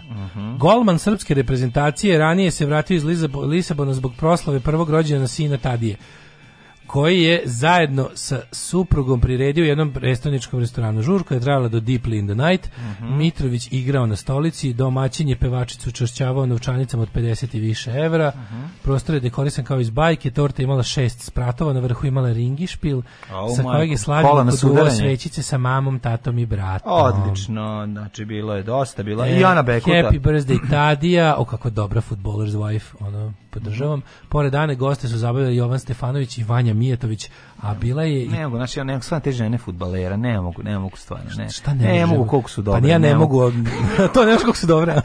pa ja ne mogu, a hteo bi. kako je bilo dobro. Da, ne bilo mogu, stvarno ne mogu. Ne mogu mi se više, ovo je stvarno, ove žene To su verovatno najbolje ribe na svetu, jel tako? Pa nisu najbolje. Kako nisu? A otkud su To su najbolje? najbolje ribe na svetu. Nisu najbolje. Do porničarke su najbolje. Nisu najbolje, ali su jako dobre. to je Žene fudbalere su najbolje ribe na svetu. Nisu. Kako nisu? Pa nisu, mislim, najbolji su na slici. Nisu najbolje. To, to, one, on, ali one su baš kao ti po ceo dan samo izgledaju. Ne mora ništa da radi. To je sve jako dobro, ali ti znaš da je kod mene, ja kod mene, kod žene, meni prvo najvažniji personality, pa tek onda... Ove, Koliko je ovo bilo odvratno. Filip i Dalila u- u- udarali de, dra, Dejana Dragojevića. U majko moje, Majko dobro da nisu udarili Ljubavnicima popustile kočnice. Tuča, šta Ti je si mi uništio život, kunem ti se Bogom, šta ću malo s tobom, uništit ću ti život. Ti skonto čega su se čega se pretvorio taj reality? To je stvarno Mislim, to, znaš kako volim čega što se to ne znam. mislim, Kako volim što da. to ne znam i što ne gledam. Ne to mi ja, nego baš imam utisak, to mi kao volim što to ko što volim što ne pušim. Baš mi super Da, onako. da. Sam dobar deo zdravlja sačuvao. A u realitiju ima dosta pušenja. Da, E, Ljeljana Blagović, živim na selu u Beogradu mi je vikendica. U. Povratak selu. Ljeljana Blagović, Ljudi me se sretnu u autobusu, pitaju odakle se znamo, a ja kažem i samoposluge, kaže glumica. Dobro, Kaže ne da bi se toliko cool, ono, Pre cool je, ne. ne bi tako Kaže, cool, ono, ono. ja na ulici, ono, sednem u baru. Kad Kažu mi- da je jako strašna u ovoj seriji Jako sa je strašna tačka, jebote. Pa strašna inače u životu. Znaš da se njen muž nje Živi u? Surduku. E, u Surduku su uze, uze- Surduk je predivan. Surduk je predivan. Mesto na Dunavu proveo sam desetak najlepših dana svog djetinjstva. Mili. jednog, le, jednog divnog leta. Kad smo, kad smo magarca hranili sladoled. Mili koji nam je sve miliji, Da su protiv cece. zbog raspada Juge sam oboleo od kancera. Poznati kompozitor prisjetio se odrastanja tokom 90-ih, ovaj, te je otkrio da njegova cela porodica bila primorana da pobegne u Beograd, da su živjeli 15 kvadrata s platom od svega nekoliko maraka. Zahvaljujući Džeju sam našao svoj put, a ne Ceci. Ti, on- pa on je kod Cece već došao kao formiran poznati tezgaraš čovječ sa platom od- od- određenom. A ova laže da ga ona napravila. Napravio ga Jđe, kao što kaže. Džej, eto vidiš. Ma da, Iako se još od detinjstva bavio muzikom, Milija je ozbiljan honorar dobio od kompozitorskog posla tek kada se vratio sa studija iz Češke. E, a u najgorem trenutku svog života sam bio gost na Dževom koncertu. Kad je Džej zapevao uz zaglušujući vrisak publike, meni se ukazao put. A onda sam upoznao s Marijan Tucaković, sećam se da sam uzeo gitaru odsvirao tri pesme, ona mi je rekla, ovo sve možemo odmah da prodamo. Nas dvoje smo imali takvu, s- e, takvu energiju, to je bilo nestvarno. Eto, to je bilo lepo. Onda ponude za doček. Veselje u najluđoj noći od 15 do 200 evra. Nismo ni to krenuli. Čekaj, čekaj, čekaj, čekaj, čekaj, ja sam ja imam ga- gala filantropsko veče u srcu Njujorka. Srpsko filantropsko veče u srcu Njujorka. Likantropi Srbije u Njujorku. Da, da, da, na drugoj srpskoj filantropskoj večeri gala održan 12. novembra u Gotham Hallu u Njujorku, kako dobro koji iz Batmana. Drušao Bane da im sve pokrade. Zahvaljujući velikodušnim donacijama sakupljeno 70.000 dolara za besplatnu školu IT bootcamp za prekvalifikaciju u reboot camp za, za prekvalifikaciju u IT sektor u Srbiji. Pa hvala Evo, tu je Đuričko je dao pare, Benčina je došao Mhm. sa Tamarom Dragičević, Ko je bio Orfeas? bio Benčina. Ko je bio još poznati? E, jedan? Kutelis, evo ga, znači da, bio je da, onda... da. Jel došao Boki? Jel došao naš Boki? Ove, Bio moj drug živio jedno Bokica- kratko vreme u Njujorku. Ali bio možda Bokica fotograf, on I živi u Njujorku. bio- šta sad je u Njujorku? Pa bio je, ne A ne znam. znam da li još uvek. No. Ovaj Bokica Hohnica. koga je još da, naš drugar Hohnjica, pa ne, možda još neko od, od naših Njujorčana. Boga mi ne, ali vidim da je bilo lijepog da, sveta. E, i bilo je gala, što bi se reklo. Tako To da mlađe, ukoliko te ćeš se prekvalifikuješ, Jedina da konačno gala. naučiš nešto o IT-u, Jedina gala koju priznajem Možeš je. Videnović, jedina gala A koju Vesna priznajem. Gali od gala ne? Nikad, nikad, jer ja sam izabrao frajera po svojoj Svojim- meri. odavno još. Odavno, da. E, Tanja i Daško se sastali na luksuznom imanju sa ogromnom e, sa ogromnom vilom, ja pročito vilom, raviolom, vilom kod Smedereva. Mhm. Pevačica i političar po njegovom povratku iz Pariza otišli na večeru. To je, dra, to je Draško Tokom i... koje su, i on njoj ručio poklon, zato su se uputili ka Banja Luci, gde su proveli burnu noć sa seksom. Joj, dobro. Bilo je i seksa. Neka ga je došao i seks. I nek došao Sećaš seks. seksa s detelinare? Onog- Segeta Segedinskog? Onog nekog, kako se ga zove? Mm, Segi, Skinsa. seks. Da, da, da, Skinsa. Onog. Bio on, znači, dobre. Ma, bilo Drago mi je da su stari Skinsi ovaj, za, zastupljeni ovaj, u Republici Srpskoj. E, i u drugo, jesi vidio jadnost što a, bivši muž te tajne sad kaže, objavit ću naše intimne snimke da Draško vidi kakva je ona. Pa može samo iz tih snimaka ću vidjeti kakav si ti, prijatelju. Pa jo, iz tih majko snimaka samo možemo vidimo da si niži od riblje govneta, da si ljudsko bednik, smeće Kakvi su bednici i da se ljudi. javnost spremi na mali kurac, pošto će to biti verovatno strašno. Neki bude sramota. Fuj, džubrad jedna bezobrazna politička. Fuj, fuj, fuj, govna, govna, govna, govna, govna. Stvarajte govna i gušte se govnama. Alarm svakog radnog jutra od 7 do 10. Tekst čitali Mladin Urdarević i Daško Milinović. Ton majstor Richard Merc. Realizacija Slavko Tatić. Urednik programa za mlade Donka Špiček. Alarm svakog radnog jutra od 7 do 10. You touch my tra-la-la.